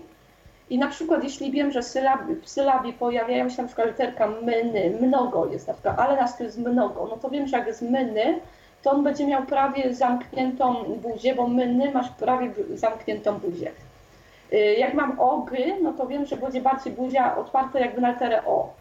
Jak, jak mam przykład literę trzy, zi, to mamy, to mamy wtedy taki ruch, że mamy prawie zaciśnięte zęby, tak lekko jakby pomiędzy szczeliną. I, to, I takie rzeczy sobie właśnie zapisywałam, żeby potem widząc y, tę moją rozpiskę dialogową na scenariuszu wiem, aha, tu będzie to, to będę wykonywać takie klatki mniej więcej. I co ciekawe, pomimo, że osoby, które nagrywają mi dźwięk, ponieważ o, kto mi w ogóle pomaga w tworzeniu animacji, oprócz tego, że rysowaniem zajmuję się ja. Y, y, to się zajmują osoby, które, które poznałam na na przykład festiwalu y, kultury i sztuki dla osób niewidomych w Płocku, organizowany przez Stowarzyszenie De facto. I te osoby z chęcią dyktafonem wcielają się w postacie, które występują w moich animacjach. I co ciekawe, jeśli na przykład mówisz w sposób taki nie bardzo wolny, tylko tak, tak mniej więcej naturalnie, to te moje, te moje po prostu w studiach, w studiach do dubbingu, gdzie się dubbinguje filmy, mówią na to kłapy, że kłapy, że ruchy budzi kłap, kłap, kłap się zgadza po prostu z mniej więcej z obrazem. Jest bardzo i program do montażu potem po, pozwala ci lekko nie wiem, przesunąć ten dialog i tak dalej, ale to się właśnie o dziwo właśnie zgadza, czyli ta metoda taka bardzo klasyczna, że starasz się sylaby tak naprawdę rysować w przypadku języka polskiego się zgadza. Ja podejrzewam, że postacie z japońskich animacji mają taką, a inną mimikę, żeby też było łatwiej ten język japoński nie uchwycić. Rozumiem. No właśnie, czyli mamy Czyli mamy dialogi, dialogi jakieś, y, czy w ogóle głosy y, dokładasz, y, nagrywa ktoś ci te wszystkie tak, rzeczy. A jak z muzyką na przykład, czy z jakimiś efektami? Tak, to jest bardzo ciekawa sprawa, ponieważ z jednej strony istnieją darmowe efekty muzyczne, które, z których można korzystać, Natomiast ja dochodzę do wniosku, że no, z tymi efektami muzycznymi jest na tyle różny, że daje pole do popisu osobie, która je wykonuje. Tak trochę analogicznie przez, przez warsztaty, które myśmy w Fundacji Wygrajmy Razem organizowali, no to można nagrać efekt yy, dokładnie, na przykład stukając biurko, że na przykład pada deszczyk, coś sobie tu stukam i, i, i, na, i nagrać ten efekt a potem ja na programie mniej więcej właśnie już w podglądzie widzę po prostu ile ten deszczyk ma zajmować, że na przykład tu mi się kończy albo zaczyna ujęcie, że zaczyna się rozkapywać. Coraz bardziej pada, no to coraz bardziej mocniej, nie? Jasne. No, kwestia jest, in, kwestia jest taka bardziej, jeśli chodzi o to nagrywanie dźwięku sprzętowa, że ludzie nagrywają to na różnych sprzętach i jedni mówią trochę głośniej, drudzy trochę ciszej, więc Y, tak jak mi tutaj raz opowiadałeś właśnie, co udało Ci się na słuch wy, wy, wyczuć, no ale to jest, mówię, kwestia... No tak, że gdzieś tam jakieś przestery się potrafią pojawić, jakieś, jakieś różne tego typu artefakty, no ale to jest właśnie to, jak nagrywane jest, no powiedzmy szczerze, amatorsko to raz, a dwa za pomocą różnych urządzeń, co kto ma, no i pomieszczeń tak, też, tak. Y, przy użyciu tak, pomieszczeń o różnej akustyce. Tak, ja podejrzewam, że to moje pomieszczenie, gdzie ja tu jestem, jest takie średnie do nagrywania tych dialogów. Ale, no, ale tak mówię, można sobie z tym radzić. O dziwo, powiem tak, że co mnie bardzo zdziwiło, zwłaszcza to, e, ta animacja Kocie Życzenie, co oglądałeś. E, nie, Kocie Życzenie, czy nie oglądałeś Kociego Życzenia, czy właśnie ten pierwszy odcinek, ale jedna z tych animacji była właśnie na festiwalu Animator I o dziwo, jak miałam, y, jak ją puszczono w sali kinowej, to pomimo wszystko, jak ja słuchałam tych dialogów, to byłam bardzo pozytywnie zdziwiona, zdziwiona zaskoczona, że ten dźwięk wcale źle nie, nie brzmi na tle animacji tworzonych w profesjonalnych studiach. No i bardzo dobrze, bo to w końcu o to chodzi, żeby nawet mimo tego, że nie dysponujesz środkami y, takimi, jakie ma studio filmowe, chociażby jakieś, no to, że jesteś w stanie stworzyć coś ciekawego, co także ludziom się po prostu może podobać. Bo jak rozumiem, jeszcze o tym nie powiedzieliśmy, ale to nasi słuchacze myślę, że mogli łatwo wywnioskować, że można te animacje zobaczyć y, Twojego autorstwa gdzieś w internecie. Tak, można i ja tutaj mogę nawet kilka linków podać zachęcam y, do polubienia, śledzenia. Po pierwsze, mam kanał na YouTube, nazywa się Projekt Justy, pisany bez spacji, bez niczego, czyli Projekt Justy jakby w skrócie. I to jest mój kanał, gdzie można oglądać moje animacje. Mało tego, ja na przykład y, mam takie bardzo krótkie filmiki, gdzie rysuję znane postacie, ale mniej więcej pokazując, na czym polega właśnie to animowanie w tym programie Flash, którego używam. Więc to też może być taki troszeczkę samouczek. Oprócz tego mam stronę internetową ABC Arte, abc-arte.pl. To jest moja autorska strona, gdzie znajdują się wszelkie linki, w ogóle opowiadania, komiksy, scenariusze e, mojego autorstwa, więc można się przekonać, co ja jeszcze takiego wyprawiam. Oprócz tego mogę polecić e, tutaj także stronę Fundacji Wygrajmy Razem, w której pracuję, gdzie akurat no nie ma tu moich siłą rzeczy moich prac, ale jest to organizacja, w której pracuję, w której właśnie realizujemy różne projekty, o czym myślę, że zaraz jeszcze powiem.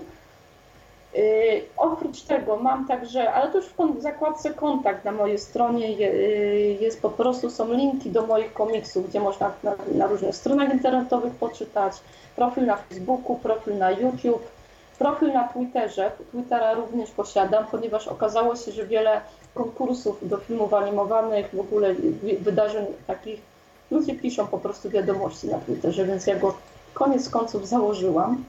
Zastanawiałam się trzy razy, po co mi Twitter, ale jednak mam, gdyby ktoś...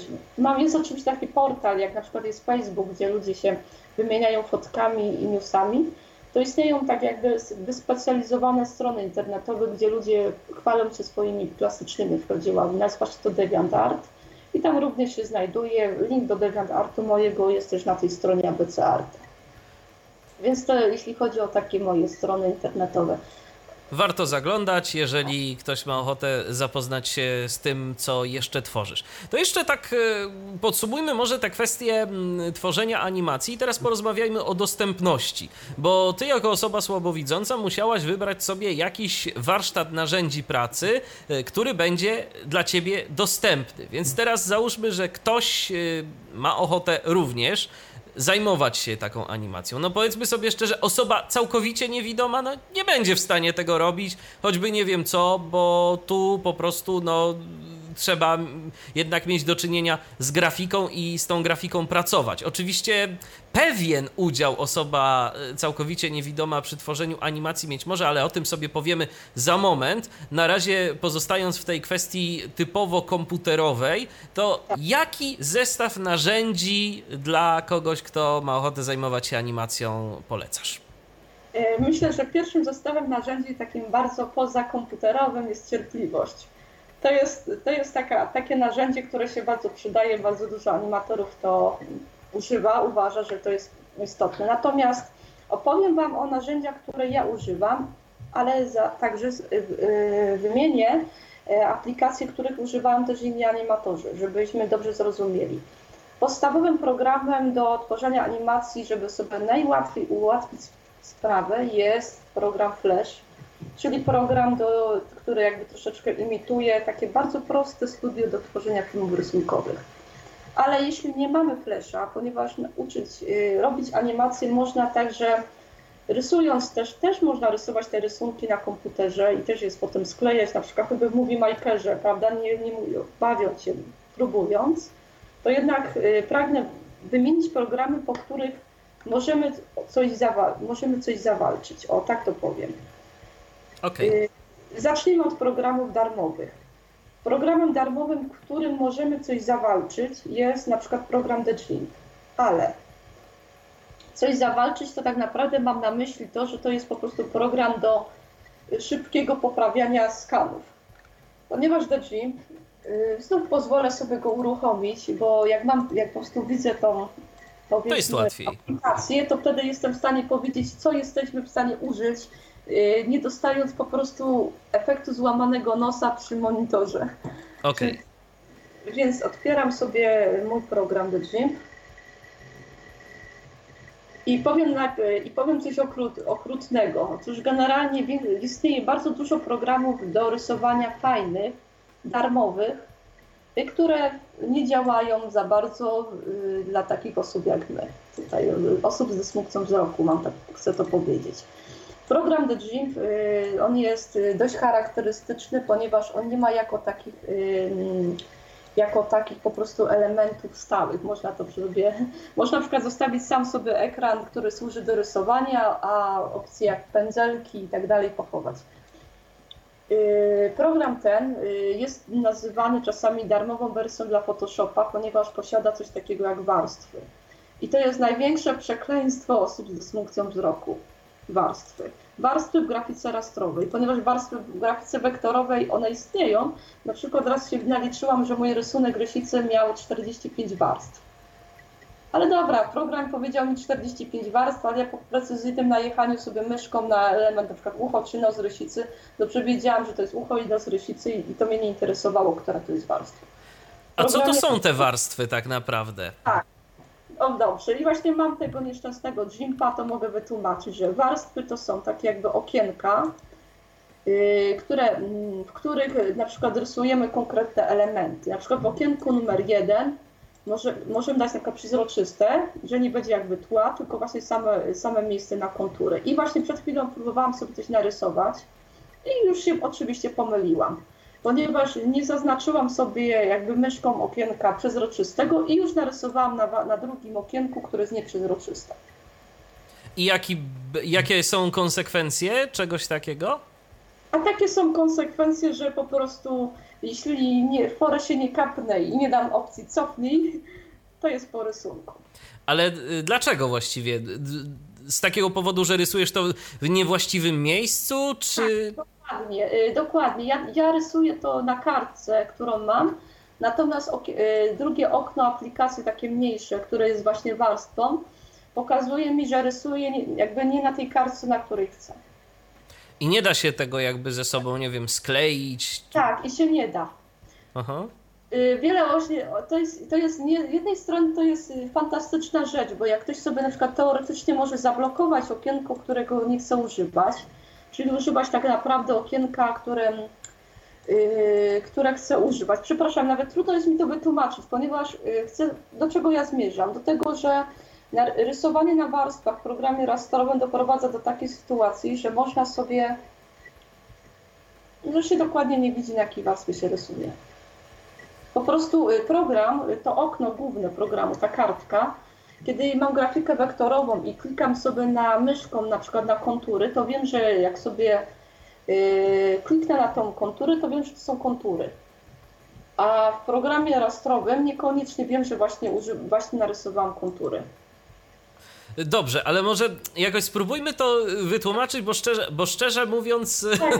ja dalej nie łapię kwestii tych, y, tych warstw. Czy tak. to jest tak, że dajmy na to, mamy powiedzmy dwa, y, dwa okienka, tak? Jedną warstwę i y, do czego jakby stosujemy te warstwy w momencie tworzenia rysunku? Czy na przykład to jest tak, że za pomocą jednej warstwy tworzymy jakiś jeden obszar tego rysunku, czy działa to jakoś inaczej? Y, dobrze, dobrze, to powiedzmy tak, na jednej warstwie powiedzmy yy, spróbuję sobie usunąć war, jedną warstwę, żeby mi została jedna. Na początku mamy, o dobrze, mamy warstwę przezroczystą, takie jedno okienko. Nie dodałam warstw. Dopóty jest jedna warstwa, jedno okienko, jest wszystko w porządku. Rysuję sobie postać na okienku i jest ok. Yy, dodając warstwę, nowa warstwa, teoretycznie yy, tworzę y, tworzę jakby nowy rysunek.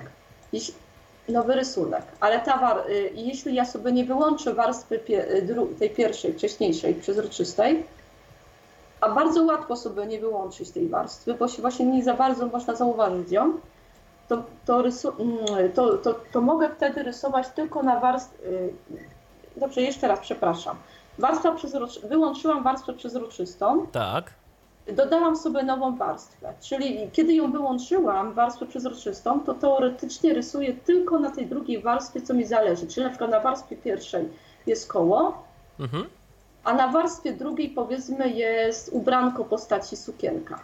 I jeśli ja mam zaznaczoną warstwę drugą, że chcę kolorować sukienkę, a nie chcę kolorować na razie koła, które jest na warstwie pierwszej, to jest wszystko w porządku.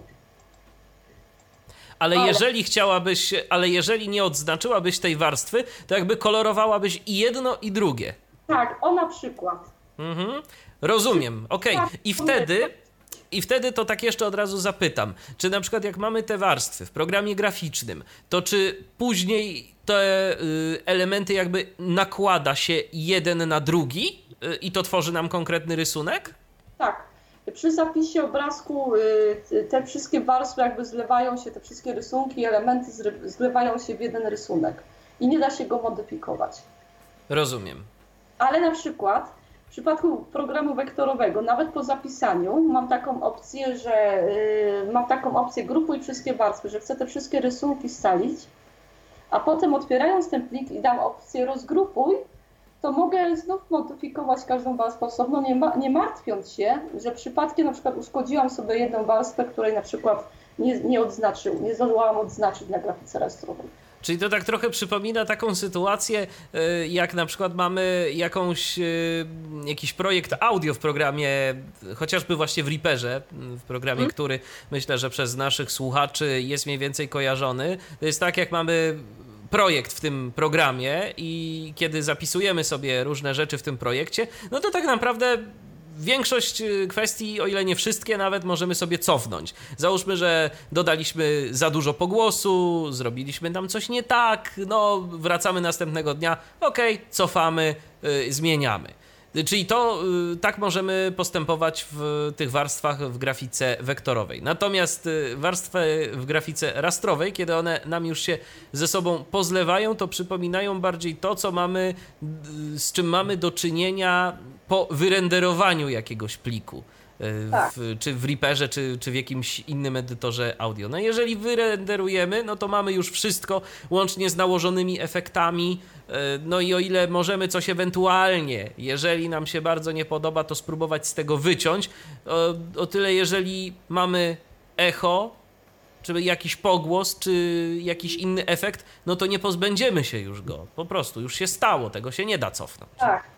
I to jeszcze wszystko rozmazane, rozpikselowane, więc nawet nie widzisz za bardzo elementów tych rysunków, tych różnych elementów, które, które chciałbyś poprawić ewentualnie. I Rozumiem. ten program jest, programy są fantastyczne dla osób, które dobrze widzą, bo można zrobić sobie efekt jakiejś mgły na tym, jakiś właśnie spadający deszcz i takie rzeczy. I na przykład, co mnie w ogóle totalnie w ogóle zawsze dziwiło, że widziałam fenomenalnie wykonany odręczny rysunek takimi markerami plastycznymi, który był przepiękny. Dziewczyna potrafiła wejść do edytora y, Photoshopa, zaznaczyć myszką konkretny element tego rysunku i go nawet zmienić, zmienić grubość tej linii i tak dalej, co dla mnie jest nie do wykonania. Ale dlaczego? Dlatego, że te opcje są niedostępne? Czy nie jesteś w stanie tego na przykład tak precyzyjnie zaznaczyć, używając jakiegoś tak, nie jestem w powiększenia? stanie zaznaczyć tego dokładnie. Mhm, rozumiem. Studiozę, tak? Bo te warstwy właśnie niby powstały po to, że na przykład w programie Paint rysowało się do pewnego etapu, nie? I potem za trzecim, czwartym razem już nie dało się cofnąć. Więc to pojawienie się tych różnych okienek teoretycznie powinno ułatwić sprawę, że jeśli w jednym okienku narysuję sukienkę, tą osobną tą warstwę, osobnym okienku sukienkę, to jak mi ta sukienka nie wyjdzie, to teoretycznie mogę usunąć to okienko, dać nowe okienko, drugą warstwę i narysować tą sukienkę.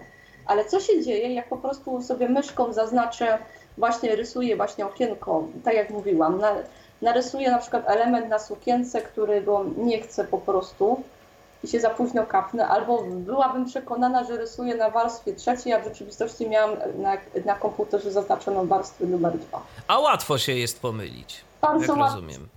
Tak, i to jest właśnie przekleństwo, właśnie to jest to przekleństwo rysowania na warstwach w programach rastrowych. Dlatego też programu The Gym, który ma te swoje warstwy i tak dalej, ja go bardzo mało używam do tego celu, tylko ja go używam głównie, jak mam obraz na przykład z reguły 200%, Y, I tu mam na przykład zeskanowany rysunek, tylko to, to sobie powiększam kontury i sprawdzam, czy właśnie dość dociągnąć tą linię, lekko ją poprawić i potem już wektorować to i kolorować.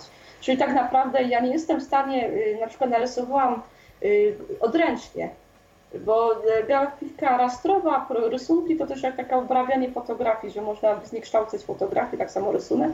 Na przykład ktoś narysował osobę, która powiedzmy jest puszysta, a na programie graficznym te wszystkie, y, za pomocą tych różnych efektów, tych warstw zrobił z niej chudzielca anorektyka. No tak, niejednokrotnie się mówi, że mm, efekt Photoshopa, tak? Że sobie co niektórzy zdjęcia poprawiają. Nie. Jak Mhm. ja chciałam sobie zdjęcie poprawić, to wyszło, żebym miała bardzo mocny makijaż, taki nienaturalny. A to Aha, jest cała magia polega na tym, że właśnie to tak to wykonać właśnie za pomocą tych pędzelków, sprayów, tych wszystkich imitacji kredek na programie, żeby ten makijaż wyglądał jak makijaż. No. czyli co, jeżeli osoba słabowidząca by chciała sobie poprawić zdjęcie w Photoshopie, to będzie problem. No może być problem, właśnie może być problem. Jasne. Y, Ja, ale co może wykonać w takim Photoshopie? Czy ja na przykład mam z tych programów bardziej zaawansowanych yy, Photopainta, bo w, w pakiecie Corella jest Photopaint. Może, możesz sobie otworzyć zdjęcie i do tego, i tutaj nawet nie musi się za bardzo przejmować tymi warstwami, po prostu otworzy sobie zdjęcie, yy, wybierze opcję po prostu dopasowania kolorów, różnych takich suwaczków, może je wykadrować, lekko poprawić kontury, to jest w stanie zrobić. Natomiast takie bawienie się, że przekształcamy, teoretycznie może też wyciąć coś z tego zdjęcia i potem wkleić na kolejne zdjęcie, ale powiem szczerze, to jest trudne, czasochłonne i, i jest duże ryzyko, że kanciasto się to wytnie. Bo to jest ta kwestia tej pikseliozy właśnie I precyzji, tak? precyzji. Tak, Mhm. bo, y, bo używa się w programach graficznych, tych rastrowych, do modyfikowania zdjęć takiego narzędzia jak różdżka, czyli właśnie myszką, y, taką różdżką się jakby szuka elementu, który się chce poprawić, albo lassa, czyli tak jakby y, wycina się po prostu kontury, tak krok, krok po kroku i na przykład najgorszym przekleństwem jest wycinanie elementu, który jest okrągły. Jabłko, czy ktoś ma na przykład y, taką twarz powiedzmy bardziej okrągłą, no bo może, lepiej jak ktoś ma włosy, bo zawsze po tym najgorszym wypadku te, te włosy czy ciemne tło to się jakoś zleją w tym i te włosy wtedy nie wyglądają, ktoś jak jest ma wycinanka, ale gorzej jak ktoś jest, nie wiem, albinosem. Pojawi się na przykład na tle czarnym. Okej, czyli tak wracając do kwestii tych narzędzi, to do czego nam się ten, y, jeszcze raz, do czego nam się może GIMP przydać, y, Dobrze. jeżeli widzimy słabo? Co Y, możemy tam zrobić? Na Gimpie możemy y, właśnie poprawiać te kontury. Teoretycznie możemy coś narysować, y, nie przejmując się za bardzo tymi właśnie różnymi okienkami, bo można rysować tylko na jednej warstwie, tak jakby się rysowało na pęcie, a po prostu ma się dużo fajnych narzędzi. Grunt, żeby tylko zapamiętać sobie y, okno, które się nazywa przybornik, bo tu są tylko te, te narzędzia najfajniejsze. Oraz okno tak naprawdę plik eksportu, ponieważ GIMP jest programem Linuxowym i po prostu y, i tu jest opcja eksportu, bo inaczej ma swój własny format graficzny. Jasne. Nie każdy używa, no ale można, teoretycznie można na nim rysować, jest to takie jakby zamień. Ludzie mówią Photoshop, jak ktoś dobrze widzi sobie to zdjęcia, troszeczkę na tych warstwach się pobawi tymi okienkami, to, to można powiedzieć, że zamieni Photoshopa, ale tylko do internetu. Ponieważ programy darmowe graficzne nie mają opcji zamiany koloru, bo mówiliśmy o trybie RGB, ale jeszcze istnieje tryb CMYK. I cóż to takiego jest? To jest taki zapis kolorów, który pozwala na drukowanie. Dla drukarki wtedy widzą kolory w drukarniach. Mhm. Ale y, jeżeli przecież jeżeli drukujemy, mamy drukarkę na przykład y, w domu, to jak mamy jakiś, to jak sobie coś wydrukujemy, no to przecież są y, kolory. No jak- tak są. Właśnie to jest też ciekawa sprawa, że my dla takiego domowego, używając podstawowych takich kolorów, my tak naprawdę plik RGB wydrukujemy, czy zapisany jako kolor RGB, bo to jest tak jakby szyb ko- kolorów, ten RGB. Tak jak miałem indeksowany i RGB, zapis kolorów. Natomiast jak chcemy profesjonalnie, jako potem plik PDF i dać do druku, do drukarni, to oni każą zrobić dwie opcje. Zamienić tekst na krzywe i grafika, zdjęcia, zdjęcia i rysunki muszą być w cmyk. Rozumiem. W takim zapisie kolorów dla drukarek widoczny, zwłaszcza kolor czarnego, bo kolor czarny najprawdopodobniej w cmyku wygląda troszeczkę inaczej niż kolor czarny w RGB. Mhm, Ale to tak dowiedziałam od koleżanki, która mi to podpowiedziała lata temu też nie wiedziałam, bo ja jestem też samoukiem i dlatego mówię, że sama się dziwiłam, po co ten cmyk. No i wszystkie darmowe programy nie obsługują generalnie cmyka. A można sobie to jakoś, nie wiem, za pomocą jakichś y, narzędzi internetowych skonwertować, czy trzeba już mieć te płatne jednak programy? Mm, to jest tak, niby był dodatek do Jimpa, bo Jimp ma pełno wtyczek dodatkowych. Teoretycznie można rozbudować Jimpa nawet do, do, do tworzenia jako program do tworzenia animacji, ale powiem szczerze, że te wtyczki są dla mnie nieczytelne, bo one są bardzo drobne. Po prostu Windows nie powiększa za bardzo czcionki w Jimpie.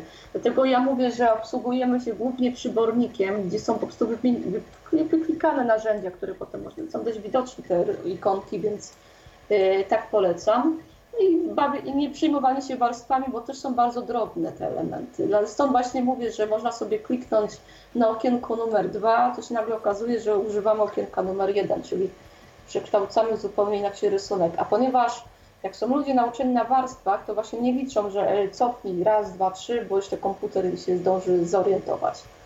Dlatego tak ludzie, którzy mieli pierwszą edycję Photoshopa używali, co to jest Photoshop bez warstw, jak fajnie wygląda jak fajnie. No tak. Tak, ale to mówię, dla naszych potrzeb to Jimpa możemy używać do prostych szkiców no i do kolorowania po prostu jego tych rysunków. Tylko trzeba się liczyć no, z tą pikseliozą, tak? Dlatego e, proponuję jako PNG, to wtedy ta pikselioza trochę mniej gryzie, ale to głównie, tak jak mówię, to głównie mówię, yy, to jest program do szybkiego, powiedzmy, poprawiania sobie, poprawienia sobie zdjęcia i i tyle. Programem graficznym, który się lepiej nadaje do rysowania, pod warunkiem, że właśnie zapomnimy, nie będziemy się przejmować za bardzo po prostu warstwami, jest Photopaint. Photopaint Corella, ponieważ Corel generalnie ma taką bardzo fajną opcję, która się nazywa scroll. Innymi słowy, przesuwając myszką po ekranie, on nam po prostu automatycznie powiększa, pomniejsza rysunek do wielkości, jaki chcemy. I to I się to, przydaje. To się bardzo przydaje, bo bardzo dużo programów graficznych, na przykład no, GIMP, nawet Photoshop, nawet ten yy, nasz tutaj Adobe Flash, którego chwalę, to ja muszę w kąciku rogu ekranu poszukać sobie, czy to ma być 400% powiększone, 800%, a tu po prostu macham sobie myszką, po prostu rolką od myszki kręcę i raz mam 100%, raz mam 200, tak jak chcę. A to się przydaje, jeżeli trzeba dorysować jakiś e, detal, tak? To wtedy tak. warto sobie powiększyć. Oczywiście, zwłaszcza. I, to, i, i, te, i z takiej opcji korzystają również osoby dobrze widzące. Po prostu scroll w programie graficznym to jest bardzo dobra opcja. Okej, okay, no to mamy Photopainta. Y, to tak. jest już program płatny, tak? To jest program płatny i tutaj, i tutaj właśnie wchodzę na coś właśnie okropnego.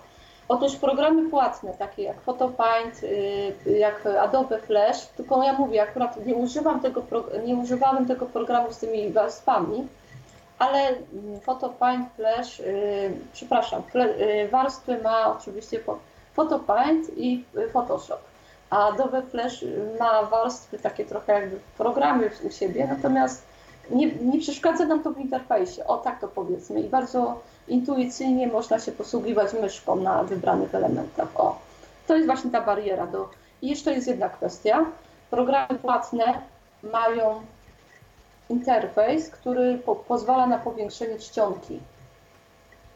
Po prostu czcionka w programach płatnych mam takie wielkości, jaką mam ustawioną w systemie. Nie jakieś mróweczki malutkie, tylko właśnie jest duża czcionka. No tak, a to w przypadku osoby słabowidzącej jest y, przydatne. Ale tak. czy na przykład to jest tak, że one po prostu respektują te ustawienia systemowe właśnie, czy mają tak. w sobie mechanizmy, które pozwalają na powiększenie tych czcionek? Ja podejrzewam, że respektują ustawienia systemowe. Po prostu. I coś ciekawe, na przykład y, powiem szczerze, że tak, systemowe ustawienia, ponieważ y, mam w pracy Corella, który jest, mam na komputerze, który po prostu ten komputer, wersja systemu jest taka, że nie lubi zapisywać, y, otwierać niektórych programów na wysokim kontraście. Natomiast mówię, nad wszystkich, to jest taka, taka, taka trochę złośliwość rzeczy martwych, ponieważ akurat na przykład mój komputer obecny, mój wcześniejszy komputer bez problemu to ogarniał. Więc to są, on one po prostu respektują ustawienia systemu. Y, a programy darmowe możliwe, że są jakoś tak pisane jakimś kodem, który ma pewne, pewne ustawienia i on nie pozwala im po prostu na, no właśnie na zmianę po prostu elementów. Ja mam takie podejrzenia, że na przykład w przypadku Jimpa to jest kwestia interfejsu, który tak. jest interfejsem przenośnym, tak jak wspomniałaś. To jest program, który także jest pod Linuxa tworzony, więc y, mam wrażenie, że to jest kwestia właśnie tego, że interfejs taki ujednolicony, y, żeby tam się nie trzeba było bawić w pisanie dla każdej platformy systemowej osobnego interfejsu, no niesie ze sobą pewne konsekwencje, że na tak, przykład tak, tak. właśnie... Tak. Tego skupiłam się na elementach najbardziej rozpoznawalnych, najfajniejszych, czyli po prostu na dużym roz, rozpisie pędzelków, farbek, których nie ma w pędzie. Jak rozumiem, nie testowałaś Jimpa pod Linuxem, jak on tam sobie z powiększeniem radzi? To jest tak, ja generalnie teraz obecnie nie mam Linuxa. Linuxa miałam w, w szkole podstawowej od dziwo. Y, miałam wtedy Auroruxa, naszego żuberka, polską edycję. Jeszcze pamiętam, że na, kilkunaście, na kilkunastu płytkach go instalowałam. Bo to było wtedy, jak miałam jeszcze mój pierwszy komputer i on po prostu ze starości potem chyba Windowsa nie chciał już obsługiwać. Aha. Za to miał o dziwo, y, Linux ma pełno aplikacji graficznych. Miałam na przykład taką aplikację, która była kolorowanką i to sobie pełno kolorowane, które mogłam kolorować. Pełno no proszę. których nie było na Windowsie wtedy. No to ciekawostka. To jest program graficzny, który jest jakby, do, jeśli chodzi o zastosowanie internetowe, y, darmowym Photoshopem, który jest do ogarnięcia. Jeśli mówię, jest ten, trzeba się po prostu zwrócić uwagę na, na przybornik i na i ustawić sobie kartkę jak najlepiej po prostu tobie pasuje. Opcji, opcji są. Opcja jest taka, że mamy do, do 800 powiększenie, co naprawdę, jeśli ma się dobry, dobry monitor dostosowany, to można sobie tak naprawdę się bawić na tym Jimpie. Y, ale ponieważ jest to program rastrowy, nie we wszystkim dostępny, to to samo jest właśnie z Photoshopem, który jest darmowy, dlatego nie darmowy, dlatego właśnie nie radzę. Y, lepszym rozwiązaniem jest PhotoPaint, Corella, który jest o wiele tańszy od dziwo. To jest też taka ciekawostka, że cenowo y, pakiet Corella wychodzi taniej niż pakiet firmy Adobe. I ja bardzo żałuję, że, y, że Corel po prostu nie wypuścił na rynek odpowiednika Flash. No tak, bo to się rzeczywiście to mogłoby przydać. Tak, mhm. tak, to mogłoby się przydać. Co do Corela, to jak rozumiem, y, także y, Corel Draw, tak? Czyli ten program. Dokładnie o tym programie mówimy. Właśnie to jest ten program do grafiki wektorowej, którego ja polecam. Mhm. Y, tu możemy rysować. Na... I teraz w ogóle fajnie może opowiedzieć słuchaczom, na czym pole... na, jak się rysuje na grafice wektorowej. No właśnie. Same rysunków gra... rastrowych, grafikę wektorową. Ponieważ jeśli mamy rysunek na przykład skanowany, co mieliśmy, to e, wystarczyło dać taką opcję trasowania map bitowych, czyli on dla niego wszystkie te JPEG i PNG są mapą bitową, tak jak BMP jakby. I wtedy on zamieni je po prostu w wektor. Natomiast e, grafika wektorowa to, je, mm, to ta linia, żeby, ją, żeby narysować kształt kwiatka, to trzeba y, narysować koło i dokładnie, precyzyjnie zamknąć te koło. Nie, nie tak jakbyśmy rysowali grafice rastrowej, że możemy sobie narysować koło, tylko ono się całkowicie nie zamknie, tylko tak na przykład linię nam jakoś y, narysujemy koło, ale na przykład końcówka koła będzie poza kołem. Tu ta końcówka musi się za, y, za, zamknąć. Czyli grafika wektorowa to jest tak, jakby miałam sznureczek Y, linia to jest jakby ten, ta nasza moja kreska i tam y, na, na początku i na końcu są tak jakby supełki. I te supełki muszą się ze sobą połączyć, czyli takie punkciki klikamy i wtedy to jest ten nasz obiekt. Czyli rysowanie w grafice wektorowej to nie jest y, coś takiego, że trzymasz na przykład przycisk myszki i rysujesz jakiś kształt, tylko bardziej, że wybierasz sobie punkty jakby wokół których ma być jakaś linia na przykład, tak? Albo jakiś, jakiś kształt nie, z palety. kształt, tylko za, muszę wiedzieć, że ten kształt na przykład liścia rysuję jakbym, tak jakbym rysowała myszką liścia, czy letem graficznym liść. Okrągły, yy, może kasztanowiec, bo jest taki postrzępiony. Postrzępiony liść, tylko muszę wiedzieć, że ten y, końcówka tego liścia y, i, i musi się jakby precyzyjnie połączyć z linią, która ją zaczyna. Czyli Ale... nie mogę sobie, y, właśnie dlatego tak jak mówiłam, poprawianie tych skanów, że muszę popatrzeć, czy moja rysica miała, do, czy dorysowałam tą kreskę do końca jakby głowy rysicy, żebym mhm. wiedziała, że wektor mi po prostu zamknie tą przestrzeń ale jeżeli na przykład mamy, e, jeżeli ten liść, powiedzmy to koło, czy, czy ten kształt tego liścia gdzieś tam się nie zamknie, to co się wtedy stanie? E, to, to, to się stanie tak, że nie będziemy mogli tego rysunku pokolorować. Zostanie sam kontur. Więc co trzeba zrobić? Powiększyć sobie e, tą, tą, tą naszą, tego naszego liścia i znaleźć po prostu myszką, bo to się da, tą punkciki, bo potem zaświeci mi. Zaświeci mi koniec, da, zrobi mi się taki kwadracik z jednej strony kwadracik 1, kwadracik 2. Po prostu przeciągam sobie myszką kwadracik do kwadra, drugiego kwadracika i on mi zamyka. Aha, i, i bardzo, tyle. To jest bardzo prosta sprawa, tylko to jest kwestia tego, że na przykład program e, Adobe Illustrator, ten Illustrator ma te kwadraciki i te linie o wiele grubsze do rysowania niż, Adobe, niż, niż Corel. Dlatego o wiele wygodniej się rysuje. Corel jest jakby rysowanie ołówkiem a tam jest jakby rysowanie grubym pisakiem. Dlatego na przykład y, Flash do animacji ma właśnie ten zapis, tak jakby ten, te rysunki wykonuje tak jakby pisakiem, mało tego, i on sam zamyka te punkciki. Jeśli nawet ja y, nie do końca dojadę sobie, tylko na przykład właśnie zrobię, przeciągnę tą linię, to on mi i tak ten rysunek zamknie. A w Corel muszę popatrzeć, czy on, czy jak nie, zam, jak nie mam zamkniętego, no to muszę sobie zamknąć. Ale czyli, wyglądałoby, czyli wyglądałoby, że te programy Adobe to są takie yy, wygodniejsze, tak? Wiele wygodniejsze są do rysowania. Po prostu ta grafika wektorowa pozornie wygląda, jakby się rysowało grafikę rastrową. Nawet nawet nie wie, że się do końca przełączył na wektor. A teraz powiem dlaczego. Ponieważ moją przygodę z filmem animowanym zaczęłam w liceum i nie miałam zielonego pojęcia o grafice wektorowej. I rysowałam właśnie sobie, wtedy jeszcze Flash był do firmy, miałam wersję Flasha, która była się nazywała Macromedia. Firma Macromedia jeszcze on był. Bo w Adobe, Adobe, Adobe firma kupiła od firmy Macromedia najprawdopodobniej no Flasha. No tak.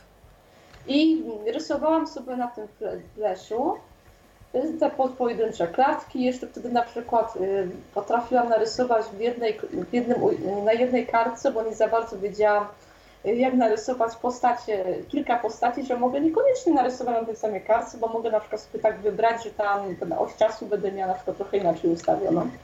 Ale człowiek tego nie widział, więc rysował tak jakby na jednym rysunku wszystko. I rysowałam tak, jakbym rysowała na grafice rastrowej. Co prawda dziwo jakoś mi się nie świeciło po oczach. Mówię, to ciekawe, dlaczego? Może te programy są jakoś inaczej. I człowiek po prostu nawet nie wiedział, że jest taka y, narzędzie szczałka y, u góry y, we Flashu, że jak ja sobie zaznaczę tą szczałkę, to on mi na przykład pokazuje wtedy, że on ma takie punkciki czasami właśnie wektorowe. Ja nawet wtedy nie wiedziałam, że są te supełki, bo to się tak intuicyjnie rysuje, że on sam te supełki zamyka. Czyli tak naprawdę bo. Może to jest wektor. Aha, bo teraz, żeby było to jasne, bo ty mówiłaś, że używasz na co dzień Corela. Czy z jakiego, tak. to, to z jakiego powodu? Bo z twojego opisu wygląda, że ten Adobe Illustrator, czyli ten program do grafiki, grafiki wektorowej od Adobe'ego jest prostszy. No Corel jest tańszy, czy ma jednak tak, jakieś ja funkcje? Ja o, o sobie, obecnie nie posiadam y, Adobe Illustratora w wersji takiej na stałe. Rozumiem. Po prostu i mało tego, y, firma Adobe wymyśliła coś szatańskiego, moim zdaniem szatańskiego, subskrypcję. Polega to na tym, że kiedyś kupywało się program y, na, dlatego ja będę, y, mam nadzieję, że w niedługim czasie kupię sobie inną wersję Adobe Flasha do, dla, dla animacji, ale, ale o co chodzi? Yy, nie dość, wymyśliła sobie obecny program, jest taki, że mają ten kreatywna chmurka, nazwę to po polsku, bo po prostu mój angielski, czasami wolę go nie używać, o tak to nazwę. I polega to na tym, że kupuje się prawo do używania programu na przykład na rok. A ten program jest o 3, 4, 5 razy droższy niż Corel, niż pakiet Corela, ponieważ cały pakiet Corela, który zawiera sobie program do obróbki zdjęć, czyli Photopainta i na przykład program Corel Draw, który jest właśnie z cytołkami, czyli wektorowy, on jest o wiele tańszy, kupiony na stałe, niż kupiona licencja na rok. No to rzeczywiście. To, to... Iście szatański pomysł, po prostu iście szatański pomysł, więc lepiej kupić sobie wersję starszą, tam do, do, do wersji CS6.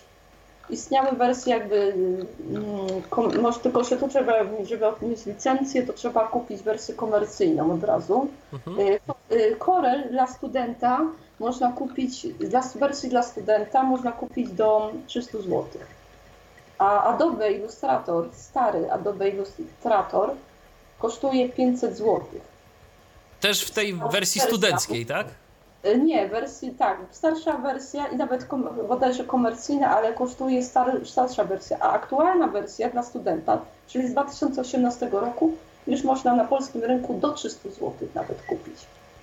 A Rozumiem. wersja komercyjna, czyli taka, której teoretycznie yy, mogę, yy, mogę mogę kupić taką rozszerzoną wersję, to już za 300 zł kupię na przykład wersję z Polski sprzed dwóch lat, mhm. która będzie pełni funkcjonalna na stałe, nie na rok.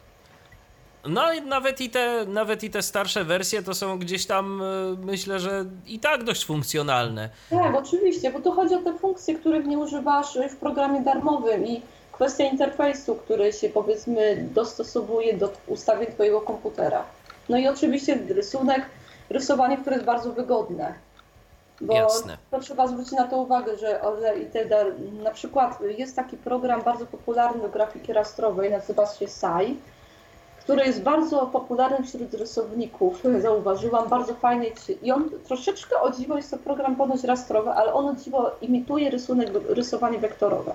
To znaczy, że podejrzewam, że rysunki przy rysowaniu są mniej upierdliwe pod kątem pikseliozy. Ale co z tego, jakby się SAI otworzył na jednej trzeciej ekranu komputera. No tak, I, czyli nie respektował tych ustawień systemowych tak. względem powiększenia czy tam jakiegoś kontrastu. Mhm. Dokładnie. No to niestety, to jest problem. A y, jeszcze, y, czy jakieś narzędzia poleciłabyś osobom słabowidzącym, które chciałyby zająć się animacją?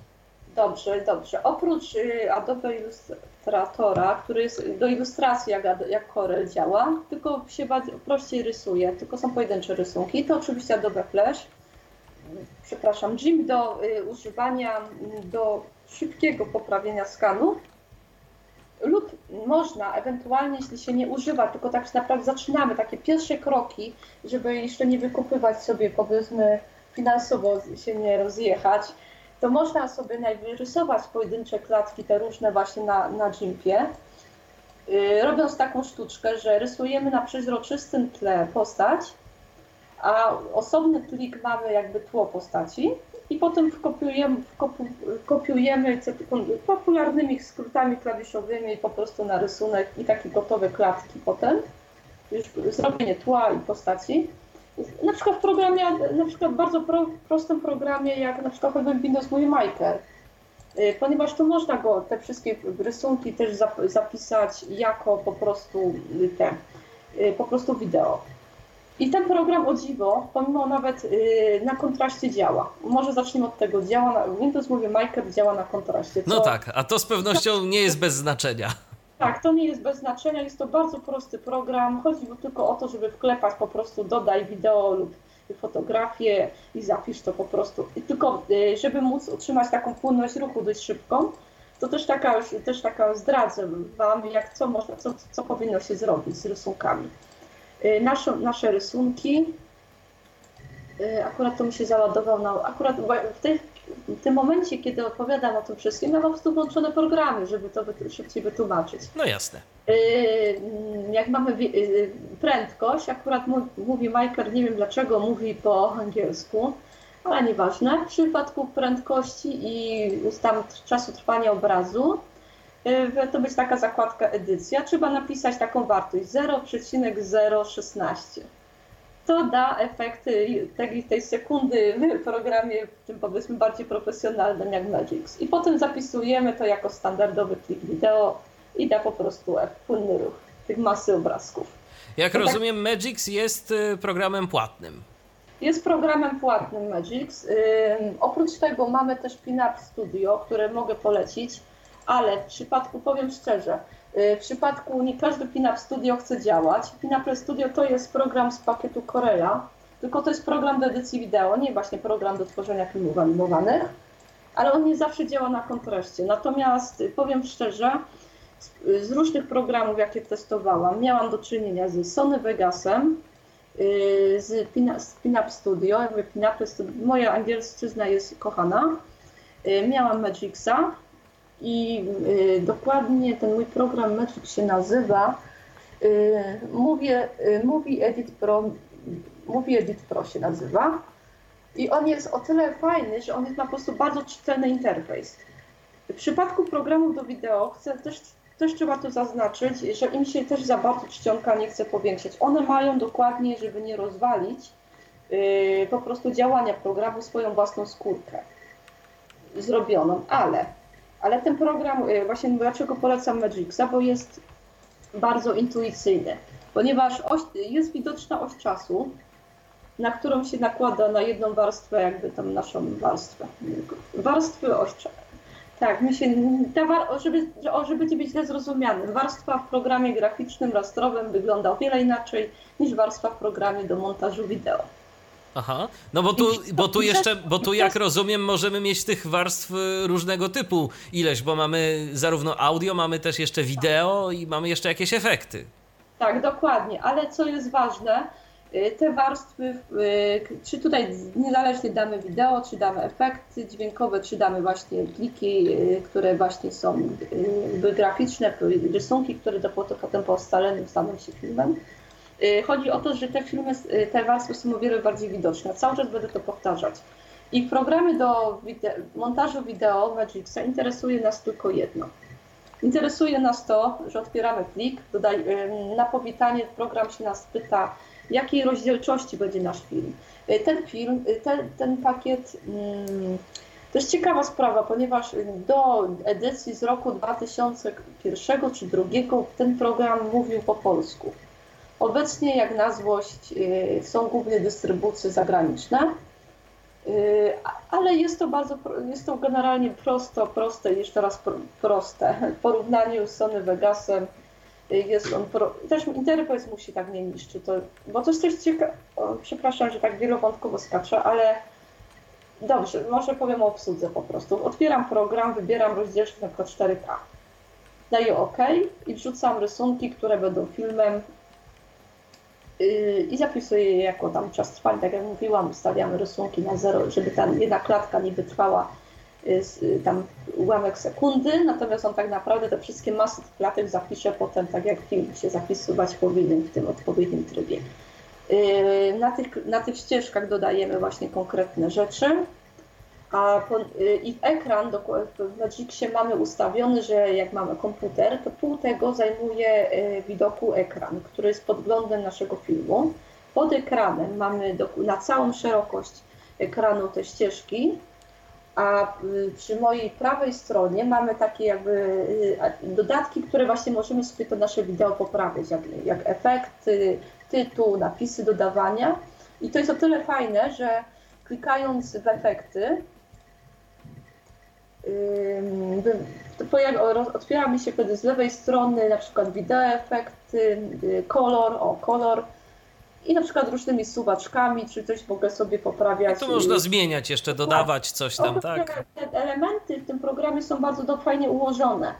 I, I, dlatego mówię, że to jest, że o ile nie da się wywalczyć takiego powiedzmy powiększenia za bardzo, ale, ale generalnie też nie ma dużo treści i da się to po prostu zrozumieć, że nas interesuje przede wszystkim oś czasu, która jest na większość, y, y, większość, y, większość po prostu ekranu zajmuje i to jest po prostu podgląd. Więc no to jest tak. dla nas najważniejsze. I ko ko kolory, kolory w tym programie. Ten program jest szary. Interfejs jest szary. Napisy są generalnie białe na ciemniejszym tle Natomiast menu, y, akurat, akurat ta wersja menu ma białe y, y, i napisy czarne, ale są bardzo wyraźne. Więc jak ktoś ma dobrze ustawioną rozdzielczość i wie, że tak naprawdę operujemy tylko tak najczęściej po prostu mm, operujemy najczęściej osią czasu tak naprawdę i odpowiednim zapisem wideo, to jest to bardzo ładnie poukładane. Na przykład i tak generalnie działają w większości tych programów powiedzmy bardziej zaawansowanych, że z jednej strony mamy tak naprawdę ekran, na dole mamy te różne ścieżki, które możemy dodawać, plus, a z drugiej strony mamy po prostu jakieś efekty. Movie Maker jest taki bardziej takim pokazem slajdów, gdzie on też ma owszem podgląd, ekran, y, wideo. Z lewej strony mam otworzone jakby dwie aplikacje, gdzie mogę przeskakiwać, opowiadać a u góry są na przykład podstawowe efekty. Ale na przykład tutaj w Movie Makerze już nie możemy dodać ileś tam ścieżek dźwiękowych, czy precyzyjnie określić dialogu postaci, bo nie mamy takiej możliwości. Możemy dodać tylko podkład i narratora, jedną osobę. Rozumiem. Ale może, ale jak rozumiem, możemy w Movie Makerze, tak jak wspomniałaś, zrobić tę animację, która będzie taką żywą animacją, bo tam odpowiedni, w odpowiednim tempie te klatki będą mogły się przesuwać. Dokładnie. Taka, takie kino nie ma jak Rexia. To paradoksalnie można byłoby zmontować Rexia w Movie Makerze. Znaczy tak, na, znaczy tak naprawdę, tak naprawdę to podejrzewam, że gdybyśmy zmontowali cały podkład do wszystkiego, wiesz, podkład, y, jakieś tam głosy i tak dalej w innym programie, który tak. jest przeznaczony do edycji audio, no to już tam tak naprawdę tak, wystarczyłoby tak. w Movie Makerze tylko to po prostu złożyć, dźwięk tak, z obrazkami.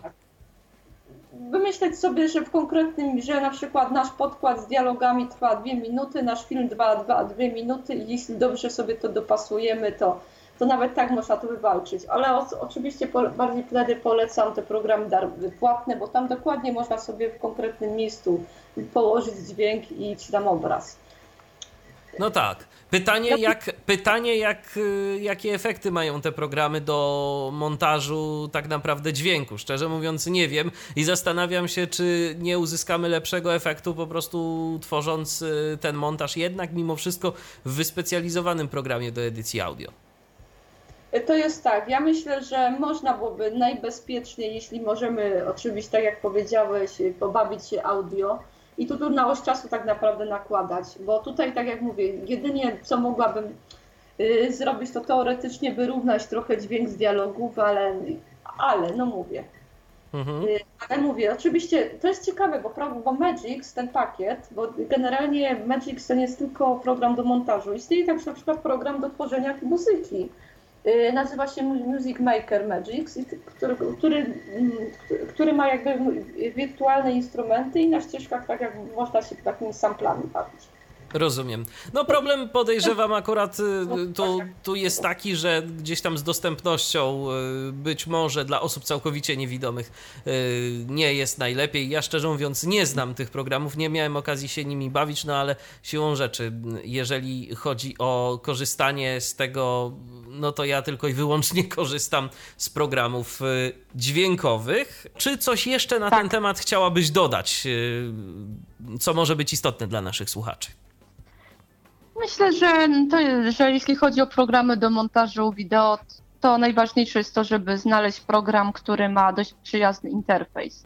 Ponieważ y, owszem, istnieją aplikacje, które na przykład powiększają y, literki. Y, na przykład Sony Vegas ma taką opcję i teoretycznie jest wszystko ok, ale za to na przykład z tego powodu tego powiększenia nie zawsze widać na przykład tą oś czasu, która najbardziej nas interesuje programach do montażu, więc w tym przypadku to bym się aż tak bardzo czcionką nie przyjmowała, ponieważ y, najważniejsze jest to, żebyśmy byli, mogli zobaczyć to, co nam służy do montażu, więc tam się ograniczymy tylko tak naprawdę do opcji zapisz film, jaki i tak dalej. Czyli mamy programy do y, montażu tak, tak, tak. wideo, mamy programy graficzne, o których już mhm. mówiliśmy. Czy jeszcze jakieś narzędzia są ważne przy tworzeniu animacji? Czy o czymś jeszcze warto mhm. wspomnieć?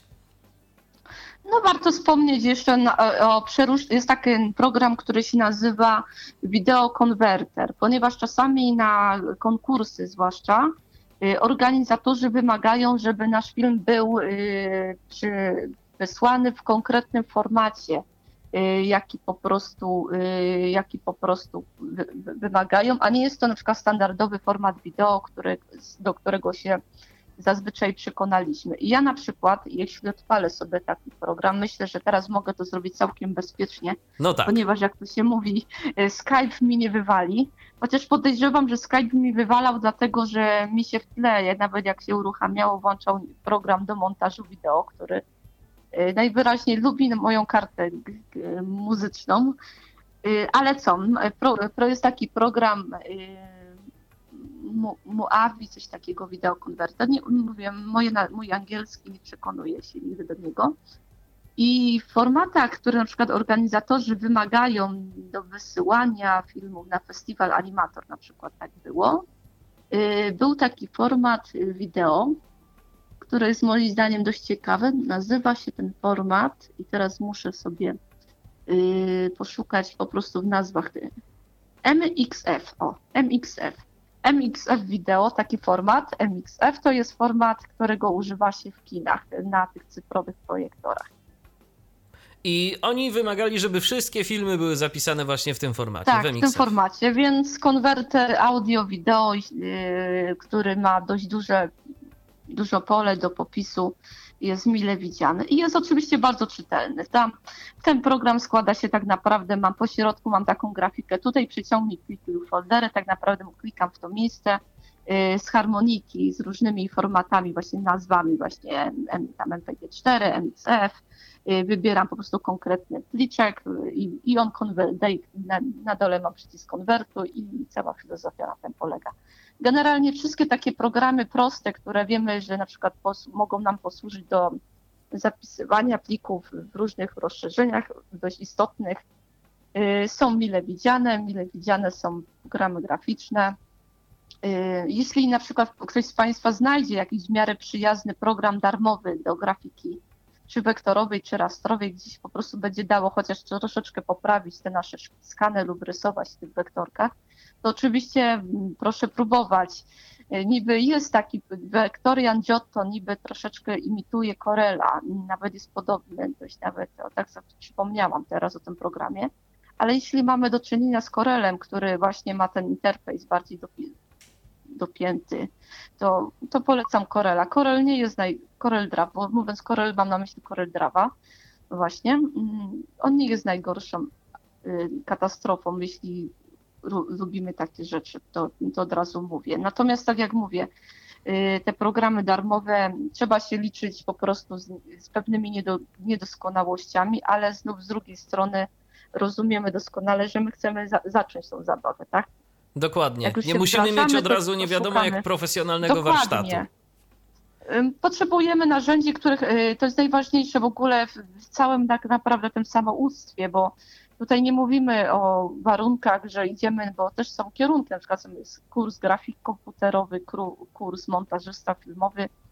Tutaj się tak naprawdę y, zbiera, dużo czytamy w internecie, szukamy, patrzymy też jak inne osoby do jakich rozwiązań dochodzą i szukamy najbardziej wygodnego powiedzmy sposobu dla siebie. No, na, na, moim przykładzie mogę powiedzieć, że to są akurat odręczne rysunki, szkice, które potem koloruję na komputerze. Ale na przykład istnieją osoby, które na przykład wolą wszystko wykonać odręcznie, nawet łącznie z kolorowaniem, co jak wspominałam, y, nie, y, zwłaszcza nie polecam kolorowania tego farbami klasycznymi, czyli na tych foliach y, ze studia bielskiego. Ale na przykład istnieją markery plastyczne, które na przykład koloruje się też taki gruby pisak, który imituje trochę farbę i to jest już o wiele łatwiej sobie trafić w kartkę. Nie? Sam skaner, na przykład jeśli chcemy rysować rysunki, bo standardowy skaner ma format A3, nie, z drukarce, ale możemy mieć na przykład skaner formatu, przepraszam, format A4, a możemy mieć formatu A3 więc wielki rysunek y, z dużym tłem gotowym to, to też jest możliwość. Istnieje jeszcze prostsza moż, możliwość tworzenia filmów yy, i tutaj możemy się oprzeć tak naprawdę naszym aparatem na statywie, czyli i programem choćby tym mówi Makerem. Polega na przykład, myśmy to na warsztatach stworzenia filmów animowanych stosowali, że yy, wykonywaliśmy wycinanki i potem te wycinanki układaliśmy na kartce i modyfikowaliśmy tą wycinankę i aparatem robiliśmy po prostu zdjęcia. Ten aparat wtedy służył jako ta kamera do zdjęć pokładkowych, które potem były montowane na przykład choćby w takim movie makerze na szybko. Jasne. A czy Więc skoro już mówimy, a skoro już mówimy o y, skanowaniu i o narzędziach tak. do skanowania, czy wystarczy nam ten program, który dostaniemy razem ze skanerem, czy tu przydaje się jakieś konkretne narzędzie? Do wprowadzenia. jest, tych... I tutaj jest najciekawsza sprawa, że tu się przydaje standardowe narzędzie faksowanie i skanowanie w systemie Windows. Mało tego, wszystkie programy, nawet te y, podstawowe graficzne, mają opcję skanuj y, o klik. To, to jest ważne, tylko ja nawet jakbym teraz chciała nowy skaner, oszukam mój skaner, że chcę skanować i właśnie jestem na narzędziu faksowanie systemu Windows i skanowanie i wybieram, tak jak mówię, to będzie tak. Y, jakbym tak jak przypominała, do, tryb dokumenty, y, kolor y, czarno-biały dokładnie, format, tak jak mówiłam, PNG, rozdzielczość, to jest DPI, to jest właśnie to tak, ta ostrość, to wybieramy maksymalną, jaką nam skaner pozwala. Większość tych domowych skanerów ma opcję 600 dpi. Tam mamy opcję taką, mamy od 75 75 dpi z reguły mają fotografie w internecie, które rysuneczki. Taka średnia jakość to jest 150, taka jakość drukarska, jak drukarnie by powiedzieli, to jeśli klik jest wykonywany na komputerze, nawet potem jak już zwektorujemy ten rysunek y, odręczny, już jest plik na komputerze, to wystarczy mu rozdzielczość 300 dpi. Natomiast nasze filmy będą rysunkami odręcznie rysowanymi, całkowicie, tak, już kolorowanymi, tak samo takimi zdjęciami, to wtedy skanujemy te nasze zdjęcie, mm, to już może być wtedy w kolorze, bo jak chcemy na 600 dpi. To jest taka różnica. O tym warto pamiętać. Że Jasne. jeśli rysunek odręczny, to 600 dpi do druku lub pod filmy to 600 dpi. Jeśli na komputerze, który ma już automatycznie lepszą jakość, to wystarczy 300 dpi zapić. Tak, czyli skanowanie i faksowanie w systemie Windows nam się tak, przydaje, jak się okazuje. Nigdy nie wiedziałem, do czego można by było to wykorzystać. Okazuje się, że w końcu jakieś rozwiązanie się znalazło. Gdyby ktoś miał tak. ochotę skorzystać e, właśnie z tego narzędzia do, e, jako pomocnika w tworzeniu animacji. I tak naprawdę chyba przeszliśmy przez wszystkie narzędzia. Mhm. Oczywiście, no wiadomo, potem, jeżeli chcemy mm, wystawiać nasze filmy e, w sieci, to jakie miejsce najlepsze do tego będzie? YouTube chyba, tak? Tak, tak, nadal YouTube, nadal, nadal YouTube pod kątem, yy, choćby pod kątem tego, że to jest uniwersalny odtwarzacz, który możemy przekopiować na naszą stronę, na każdą stronę. W warunkach polskich publikowanie filmów na Facebooku Y, jako z ich tam odtwarzacza się średnio opłaca, ponieważ tym filmom po pierwsze nie można dać tytułu swojego, nie można sprawdzać y, oglądalności tych filmów, już nie mówiąc o tym, że nie, nie otworzymy za bardzo filmów z Facebooka na swojej stronie internetowej. To do dziś jest, y, do dziś w polskich warunkach, w warunkach naszych tutaj jest to jest YouTube. Tak, a poza tym te filmy na Facebooku, ja szczerze mówiąc też nie specjalnie lubię oglądać materiały z Facebooka, to tak powiem z perspektywy swojej i z perspektywy mhm. osoby całkowicie niewidomej, że mamy bardzo często coś takiego, że jak odtworzymy jakieś, szczególnie w aplikacji mobilnej na iOSie mhm. akurat, że jeżeli odtworzę ten materiał z Facebooka, to on nagle zacznie odtwarzać później jakiś inny materiał, tego tak, tak łatwo tak, nie tak. da się wyłączyć. E, potem na przykład, jeżeli jeżeli się rozmyślę i nie chcę już oglądać tego materiału, to wcale nie mhm. jest tak mhm. łatwo z tego materiału wyjść, yy, więc no, no, jest sporo problemów. Tu rzeczywiście YouTube jest fajniejszym rozwiązaniem, ten odtwarzacz jest y, bez problemów dostępny. No i poza tym jeszcze jedna rzecz, YouTube no to jest mhm. taka swego rodzaju społeczność, tam mamy dużo użytkowników, których wystarczy po prostu tylko zachęcić do tego, żeby subskrybowali nasz kanał, no i mhm, statystyki tak. lecą, a potem ktoś, jeżeli miałby już rzeczywiście jakiś taki naprawdę pomysł, no to jest cały ten projekt monetyzacji, gdzieś tam wyświetlania reklam, tak, tak, więc tak. nawet można i jakieś pieniądze na tym zarabiać z czasem. Natomiast tym zarabianiem to też warto zwrócić uwagę, że y, ja właśnie nie mam włączonej monetyzacji, dlatego że po pierwsze mam bardzo niezbyt, powiedzmy, nie chcę moim widzom na razie ich straszyć reklamami, bo jest ich garstka. Y, monetyzacja, tak naprawdę zarabianie na YouTubie to się opłaca, jeśli, ma, jeśli przekroczymy pewną ilość widzów na pewność ilość widzów to już podejrzewam, że to są tak porównując kanały podobne, o podobnej tematyce do mnie, y, to są po prostu parę tysięcy osób co najmniej. Mało tego, to jest rzecz, y, o której warto wspomnieć. Mam nadzieję, że YouTube y, kiedyś się z tego wycofa, ale nie przypominam sobie, żeby YouTube rozliczał się z YouTuberem na umowie o dzieło. Mhm. Czyli wchodzi nam kwestia finansowa, że nie do Jakichś końca... podatków, tak, i tego tak, typu rzeczy. podatków plus, y, plus wiadomo, co jest z morą osób tutaj, y, części słuchaczy. No tak, oczywiście, kwestie Pewne, rentowe. pewne świadczenie, które Kwestie po rentowe, prostu nie tak, da się, tak, tak, tak. tak, nie da się przewidzieć zarobku. Ale nie ukrywam, że jeśli na przykład już zdobędziemy swoją popularność, bo YouTube może być, możemy traktować YouTube jako taką, takie medium do, do dotarcia do widzów, że na przykład y, żeby tutaj nie skłamać. O, jest, jest na przykład taka bardzo popularna rysowniczka YouTube'owa. y, Dobrze, nie, dobrze powiem, Olsikowa. No, Olsikowa się nazywa i ona za pośred dzięki YouTube'owi na przykład, y, to, że tam ona akurat nie jest osobą nie, z niepełnosprawnością wzrokową. Y, Powiem, że to się da wyczuć po tym, jak się po prostu kręci film. No, ona po prostu jest w stanie nakręcić film o rysowaniu, trzymając y, na biurku rysunek i rysując i obok kamerkę. Ja nie jestem. Ja na moim kanale do dziś do końca nie mam filmików pokazujących, jak ja rysuję odręcznie, ponieważ podejrzewam, że wilk- w większości planu filmowego zajmowałaby moja głowa. Chyba, że muszę jeszcze coś wymyśleć, bo kiedyś usiłowałam narysować rysunek przed kamerką, po prostu rysowałam go do góry nogami. Czyli widz widział, że ten rysunek był normalnie, a ja go rysowałam do góry nogami. Znani youtuberzy, to taka ciekawostka, rysownicy na YouTube rzucają sobie wyzwania, że narysuję na przykład coś lewą ręką, a jak jestem praworęczny z reguły, y, lub właśnie rysuję do góry nogami postać jakąś. No Albo tak. że rysują bardzo znane postacie, a ja po prostu biedna musiałam narysować tą postać do góry nogami, żeby po prostu jakoś tą Jakoś to tak wyglądało. czuje. Mhm. Tak, jakoś to wyglądało. Natomiast nie ukrywam, bo pracuję nad tym, żeby wymyślić jakiś sposób, żebyście w końcu mogli się przekonać, jak ja rysuję odręcznie, a nie tylko yy, zap... O właśnie, bo można też tworzyć filmy na YouTube używając aplikacji, też jest w systemie Windows zbudowana, wystarczy wpis, yy, wrzucić. Yy, za, mm, zaraz muszę popatrzeć na, moje, na moją klawiaturę. Mm, Okienko Windowsa i literka G. Jeśli ją przytrzymamy, to nam Windows przynajmniej 10 pokaże yy, taką opcję, czy, czy grasz w grę, czy nagrywasz grę. Yy, Nawet jak się nie nagrywa gry, to można dać, że tak, i on wtedy pokazuje taką jakby kam kamerę, która nagrywa to, co robimy na pulpicie. Więc ja na przykład na tej zasadzie mam właśnie wykonywane filmiki y, stworzenia animacji, że poka- dosłownie widać na pulpicie mój program do animowania, który, który go po prostu używam w odpowiednim tempie, jakieś ciekawostki.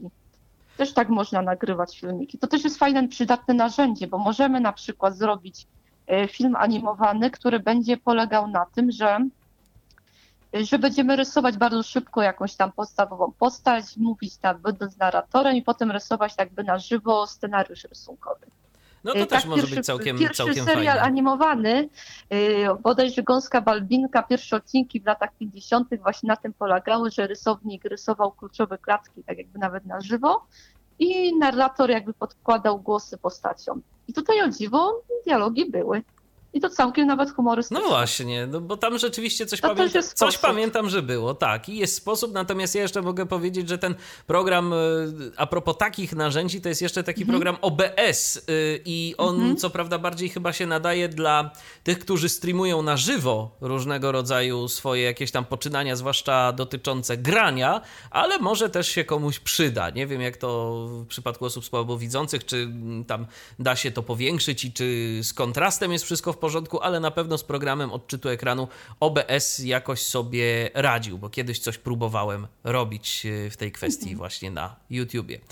No dobrze, to teraz jeszcze proponuję, abyśmy na koniec naszej audycji porozmawiali o tym, e, w jakich projektach bierzesz udział, jakie to są projekty, co, co ciekawego ostatnio się u Ciebie dzieje. No dobrze, to myślę, że tutaj można troszeczkę się mm, pochwalić. No zacznijmy od tego, że bardzo dziękuję za zaproszenie do Tyfloradia, bo do, na, do podcastu, ponieważ no to też jest jakiś projekt w pewnym momencie, jakieś wydarzenie, które jest też dla mnie ciekawym doświadczeniem. Choćby nawet ta przygoda ze Skype'em, no to też jest, no, człowiek się uczy, tak, przez całe życie. Dokładnie. Y, Tak, natomiast takich inicjatyw, w którym brałam udział ostatnio lub mogę polecić, tak samo jest. Mm, Po pierwsze, fundacja, w której jestem zatrudniona, która zatrudni, Dąbrowska Fundacja Wygrajmy Razem, y, daje zatrudnienie osobom niepełnosprawnym, właśnie ze, wzrokowo głównie, ze, ze znacznym stopniem. Jest to fundacja działająca w kulturze.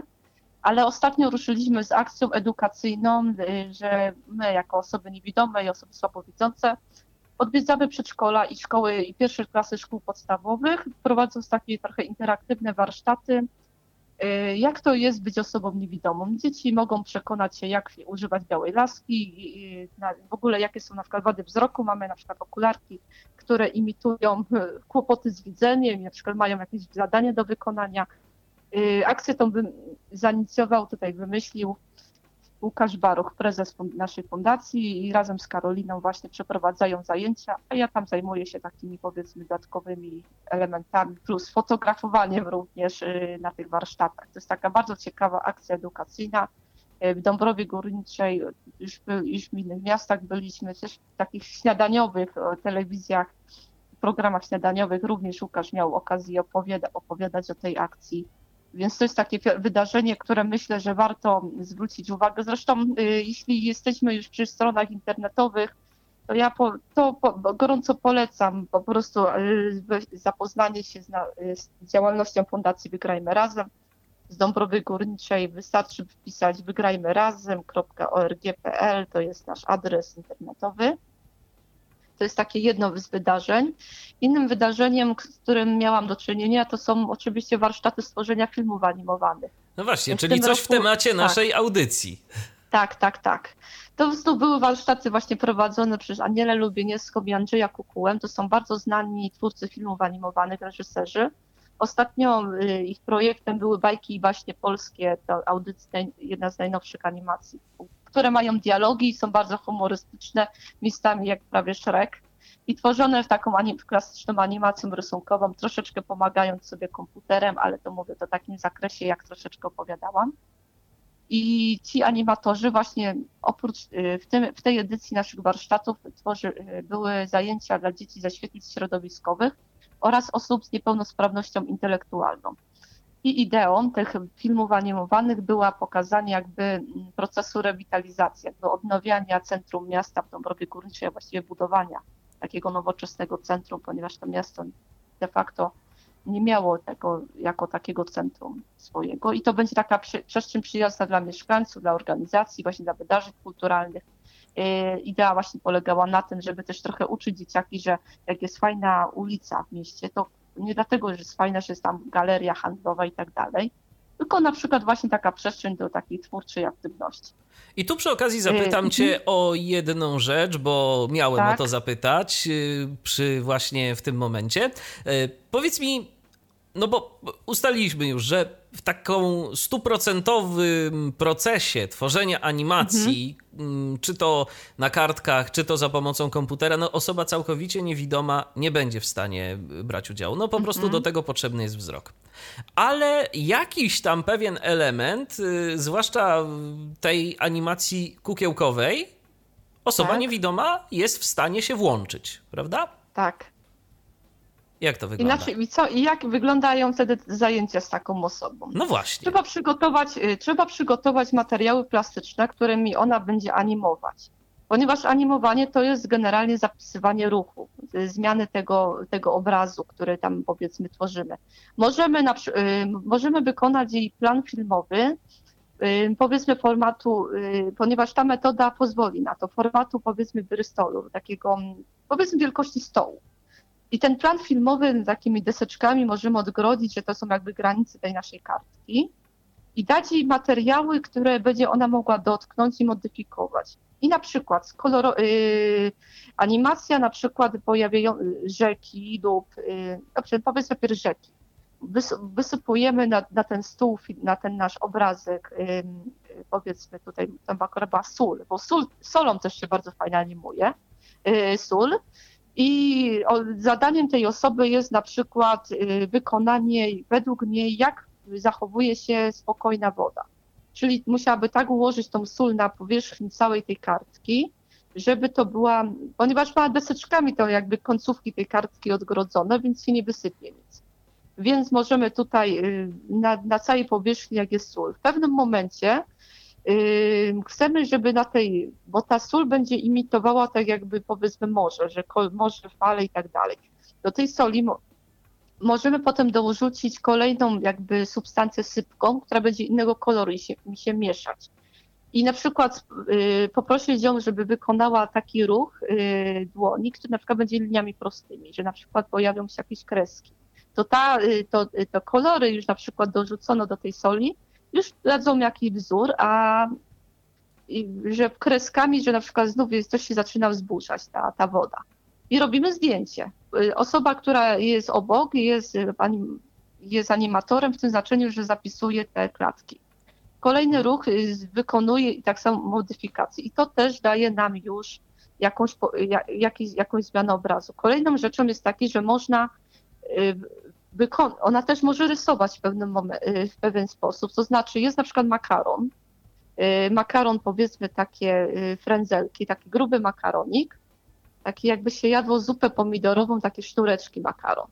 I ususzony taki makaron, pomalowany kolorowymi farbkami, to może za pomocą tego makaronu układać po prostu różne wzory, jakieś słońce, też jakiś, jakiś obrazek tym makaronem, tak jakby wykonywała coś wypukłego i znów fotografujemy ten rysunek, y, gdzie makaron jest jakby liniami. I to wtedy I też jest jakimś takim elementem animacji, tak? Tak, to, to normalnie może być dokładnie rysunkiem, ponieważ ten makaron może być słońce z tego makaronu może zrobić, to w pewnym momencie ona to słońce na przykład przesunie w lewą lub prawą stronę, to będzie mieć zachód. Tylko musi wtedy pamiętać y, o tym ruchu, że na przykład y, mamy słońce po środku, ten z makaroników zrobione, to ona przesuwa go lekko w lewą stronę, robi zdjęcie i potem mówimy, znajdź sobie ten, e, na rysunku ten, ten element. No to mamy go, te słońce po lewej stronie.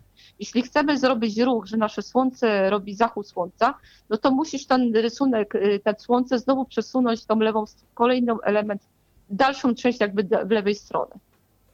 I no tak. kolejne zdjęcie. I potem znowu, ona znów przesuwa to, to słońce do brzegu kartki i kolejne zdjęcie.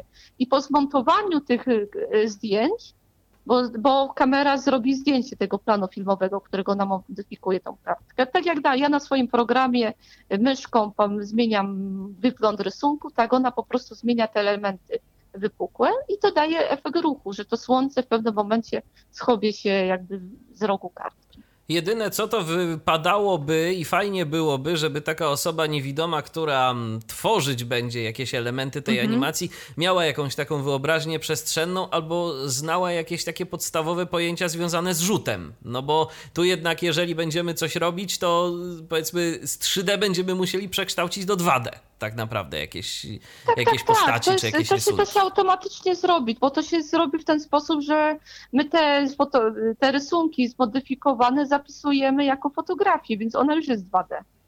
No tak. Program tak. już to rozpozna jako. No tak, rzeczywiście, więc tu nawet nie trzeba będzie, ale wiesz, mówię bardziej o tym, na przykład, jeżeli coś rysujemy za pomocą, nie wiem, czy za pomocą tej soli, czy za pomocą mhm. jakiegoś, jakiejś innej substancji sypkiej, bo jeżeli ktoś tworzyłby sobie na kartce jakąś tam, nie wiem, mhm. postać yy, albo na tej desce, yy, która byłaby trójwymiarowa, no to tak, rzeczywiście, mhm. tu nawet nie musi o tym wiedzieć, ale załóżmy, że ktoś chciałby coś za pomocą, tak jak mówiłaś, soli na przykład narysować, no to już jest. Ale to wystarczy mhm. Mhm, to już wystarczy ustawić kamerę, która będzie jakby patrzyła z góry na ten rysunek, to się modyfikuje. Rozumiem.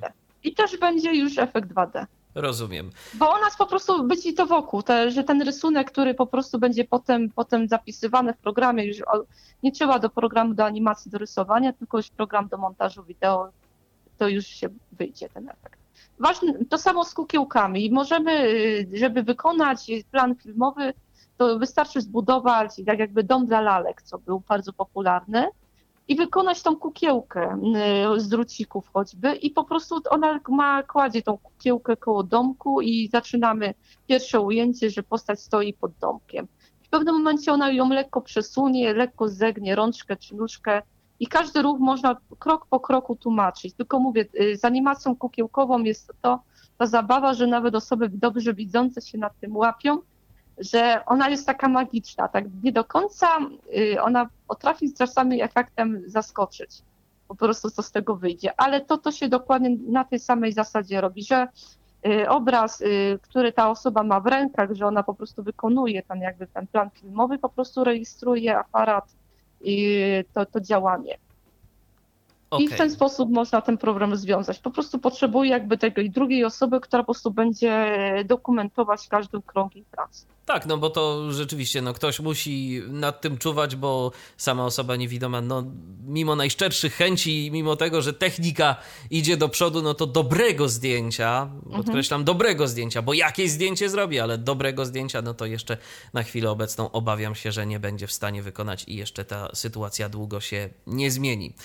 I myślę, że już powoli docieramy do końca naszego dzisiejszego spotkania. Mm, ja jeszcze tak zapytam, e, czy mhm. osoby niewidome, jak rozumiem, brały także udział w tych warsztatach, tak? tak, tak Dotyczących tak, brały, animacji. Brały udział. Jakie były, jakie, by, były, jakie były reakcje? Jakie były reakcje? Zabawy. Może było zaskoczenie, zwłaszcza ponieważ y, ten film animowany w Węgierskiej Górce, który już parę lat temu tworzyliśmy, ponieważ w tej edycji były osoby, mówię, z niepełnosprawnością intelektualną, y, były, były połączone z planem żywym, to znaczy, że animacja mieszała się z grą aktorską. I na przykład była scena, w której osoba niewidoma y, grała właściciela pieska. I ten piesek trzeba było wykonać najpierw makietę tego pieska, jamniczka, nawet jamniczek był, y, na Brystolu. I oni wszyscy pracowali nad tą postacią właśnie tego pieska, kto tam pomógł, to że wytnęliśmy. Tego pieska przyczepiliśmy do białej laski, która była jakby smyczą tego pieska. I osoba niewidoma poruszając się z tym białym laską i tym pieskiem przy, jej, przy tej lasce, po prostu grała, że idzie po prostu przed park y, z tym pieskiem animowanym. I efekt był tego taki, że ona już nawet w ten sposób animowała tą postać, którą, y, którą wytworzyliśmy i przy okazji był połączenie film, był taki trochę połączenie jak był film Kosmiczny Mecz, że był y, Michael Jordan, postać prawdziwa, y, która rozmawiała z królikiem Baxem. To oczywiście da się mm, wykonać nawet domowymi sposobami, tylko trzeba się bardzo mocno y, na powiedzmy, trzeba być dobrym aktorem, żeby w sposób przekonujący pokazać, że faktycznie się odzywam potem do tej postaci, która pojawia się w moim pokoju. No i sporo cierpliwości też na pewno do tego trzeba. Tak, tak, tak. Dokładnie. Także zachęcamy tych, którzy mają jakąś tam smykałkę artystyczną, żeby może spróbowali y, swoich sił, y, jeżeli chodzi o animację, dowolną metodą. Myślę, że po dzisiejszej audycji już wiecie, jakie metody są możliwe i w jaki sposób można te animacje tworzyć. Justyno, y, jeżeli Ktoś mhm. miałby pytania, no to wiadomo, jest y, sekcja komentarzy pod y, naszą audycją na stronie tyflopodcast.net. Y, ona zostanie tam oczywiście umieszczona. Czy jakiś namiar kontaktowy chcesz podać na siebie? Jakąś, jakiś... Myślę, że tak. Myślę, mhm. że mogę, mogę właściwie podać swój namiar kontaktowy. Już chwileczkę wejdę na moją stronę, to najłatwiej będzie no właśnie. powiedzieć, co można właściwie zrobić. Y, bo być może po tej tak, naszej audycji. Bo tak. po tej audycji być może będą nasi słuchacze mieli jakieś pytania. No to ja bardzo chętnie, mhm. bardzo chętnie. To jest tak. Myślę, że mogą się kontaktować poprzez najprościej fanpage, mój, y, mój fanpage ABC Art, czyli po prostu wyszukując y, na Facebooku profilu on, o tej nazwie ABC Arte, ABC Arte. Jeśli jest ktoś, jest, jeśli ktoś się posługuje wzrokiem, to wpisując frazę ABC Arte, znajdzie po prostu, e, będzie opis ABC Arte, autor e, i potem dodatkowa informacja jest taka, że będzie, jest logo moje, ta właśnie rysica Urszula i pisze ABC, plus jeszcze dodatkowy opis jest, bo nazwa Facebooka mojego po wyszukiwaniu jest Justa Margielewska, ponieważ ABC Arte, sama oficjalna nazwa fanpage'a jest bardzo często stosowana w zagranicznych, o dziwo się bardzo zdziwiłam, więc nie mogłam napisać tym, jak jest taki, jak na Facebooku jest tak jakby małpka i użytkownik, to pisze Justa Margielewska. Też mo można znaleźć bardzo łatwo mnie na tym, yy, myślę. Oprócz tego jest kwestia maila. Myślę, że jeśli ktoś by chciał się ze mną skontaktować, to, to może, wpis to może yy, wpis yy, pisać na taki mail zapytania abcartem.gmail.com. To jest e, oficjalny mail mojej strony, panów tej mojej autorskiej strony internetowej. może się posługiwać, może, y, może po prostu również skontaktować się ze mną za pośrednictwem Twittera, o którym wspominałam wcześniej, że on się nadaje do wyszukiwania konkursów, w szczególności zagranicznych.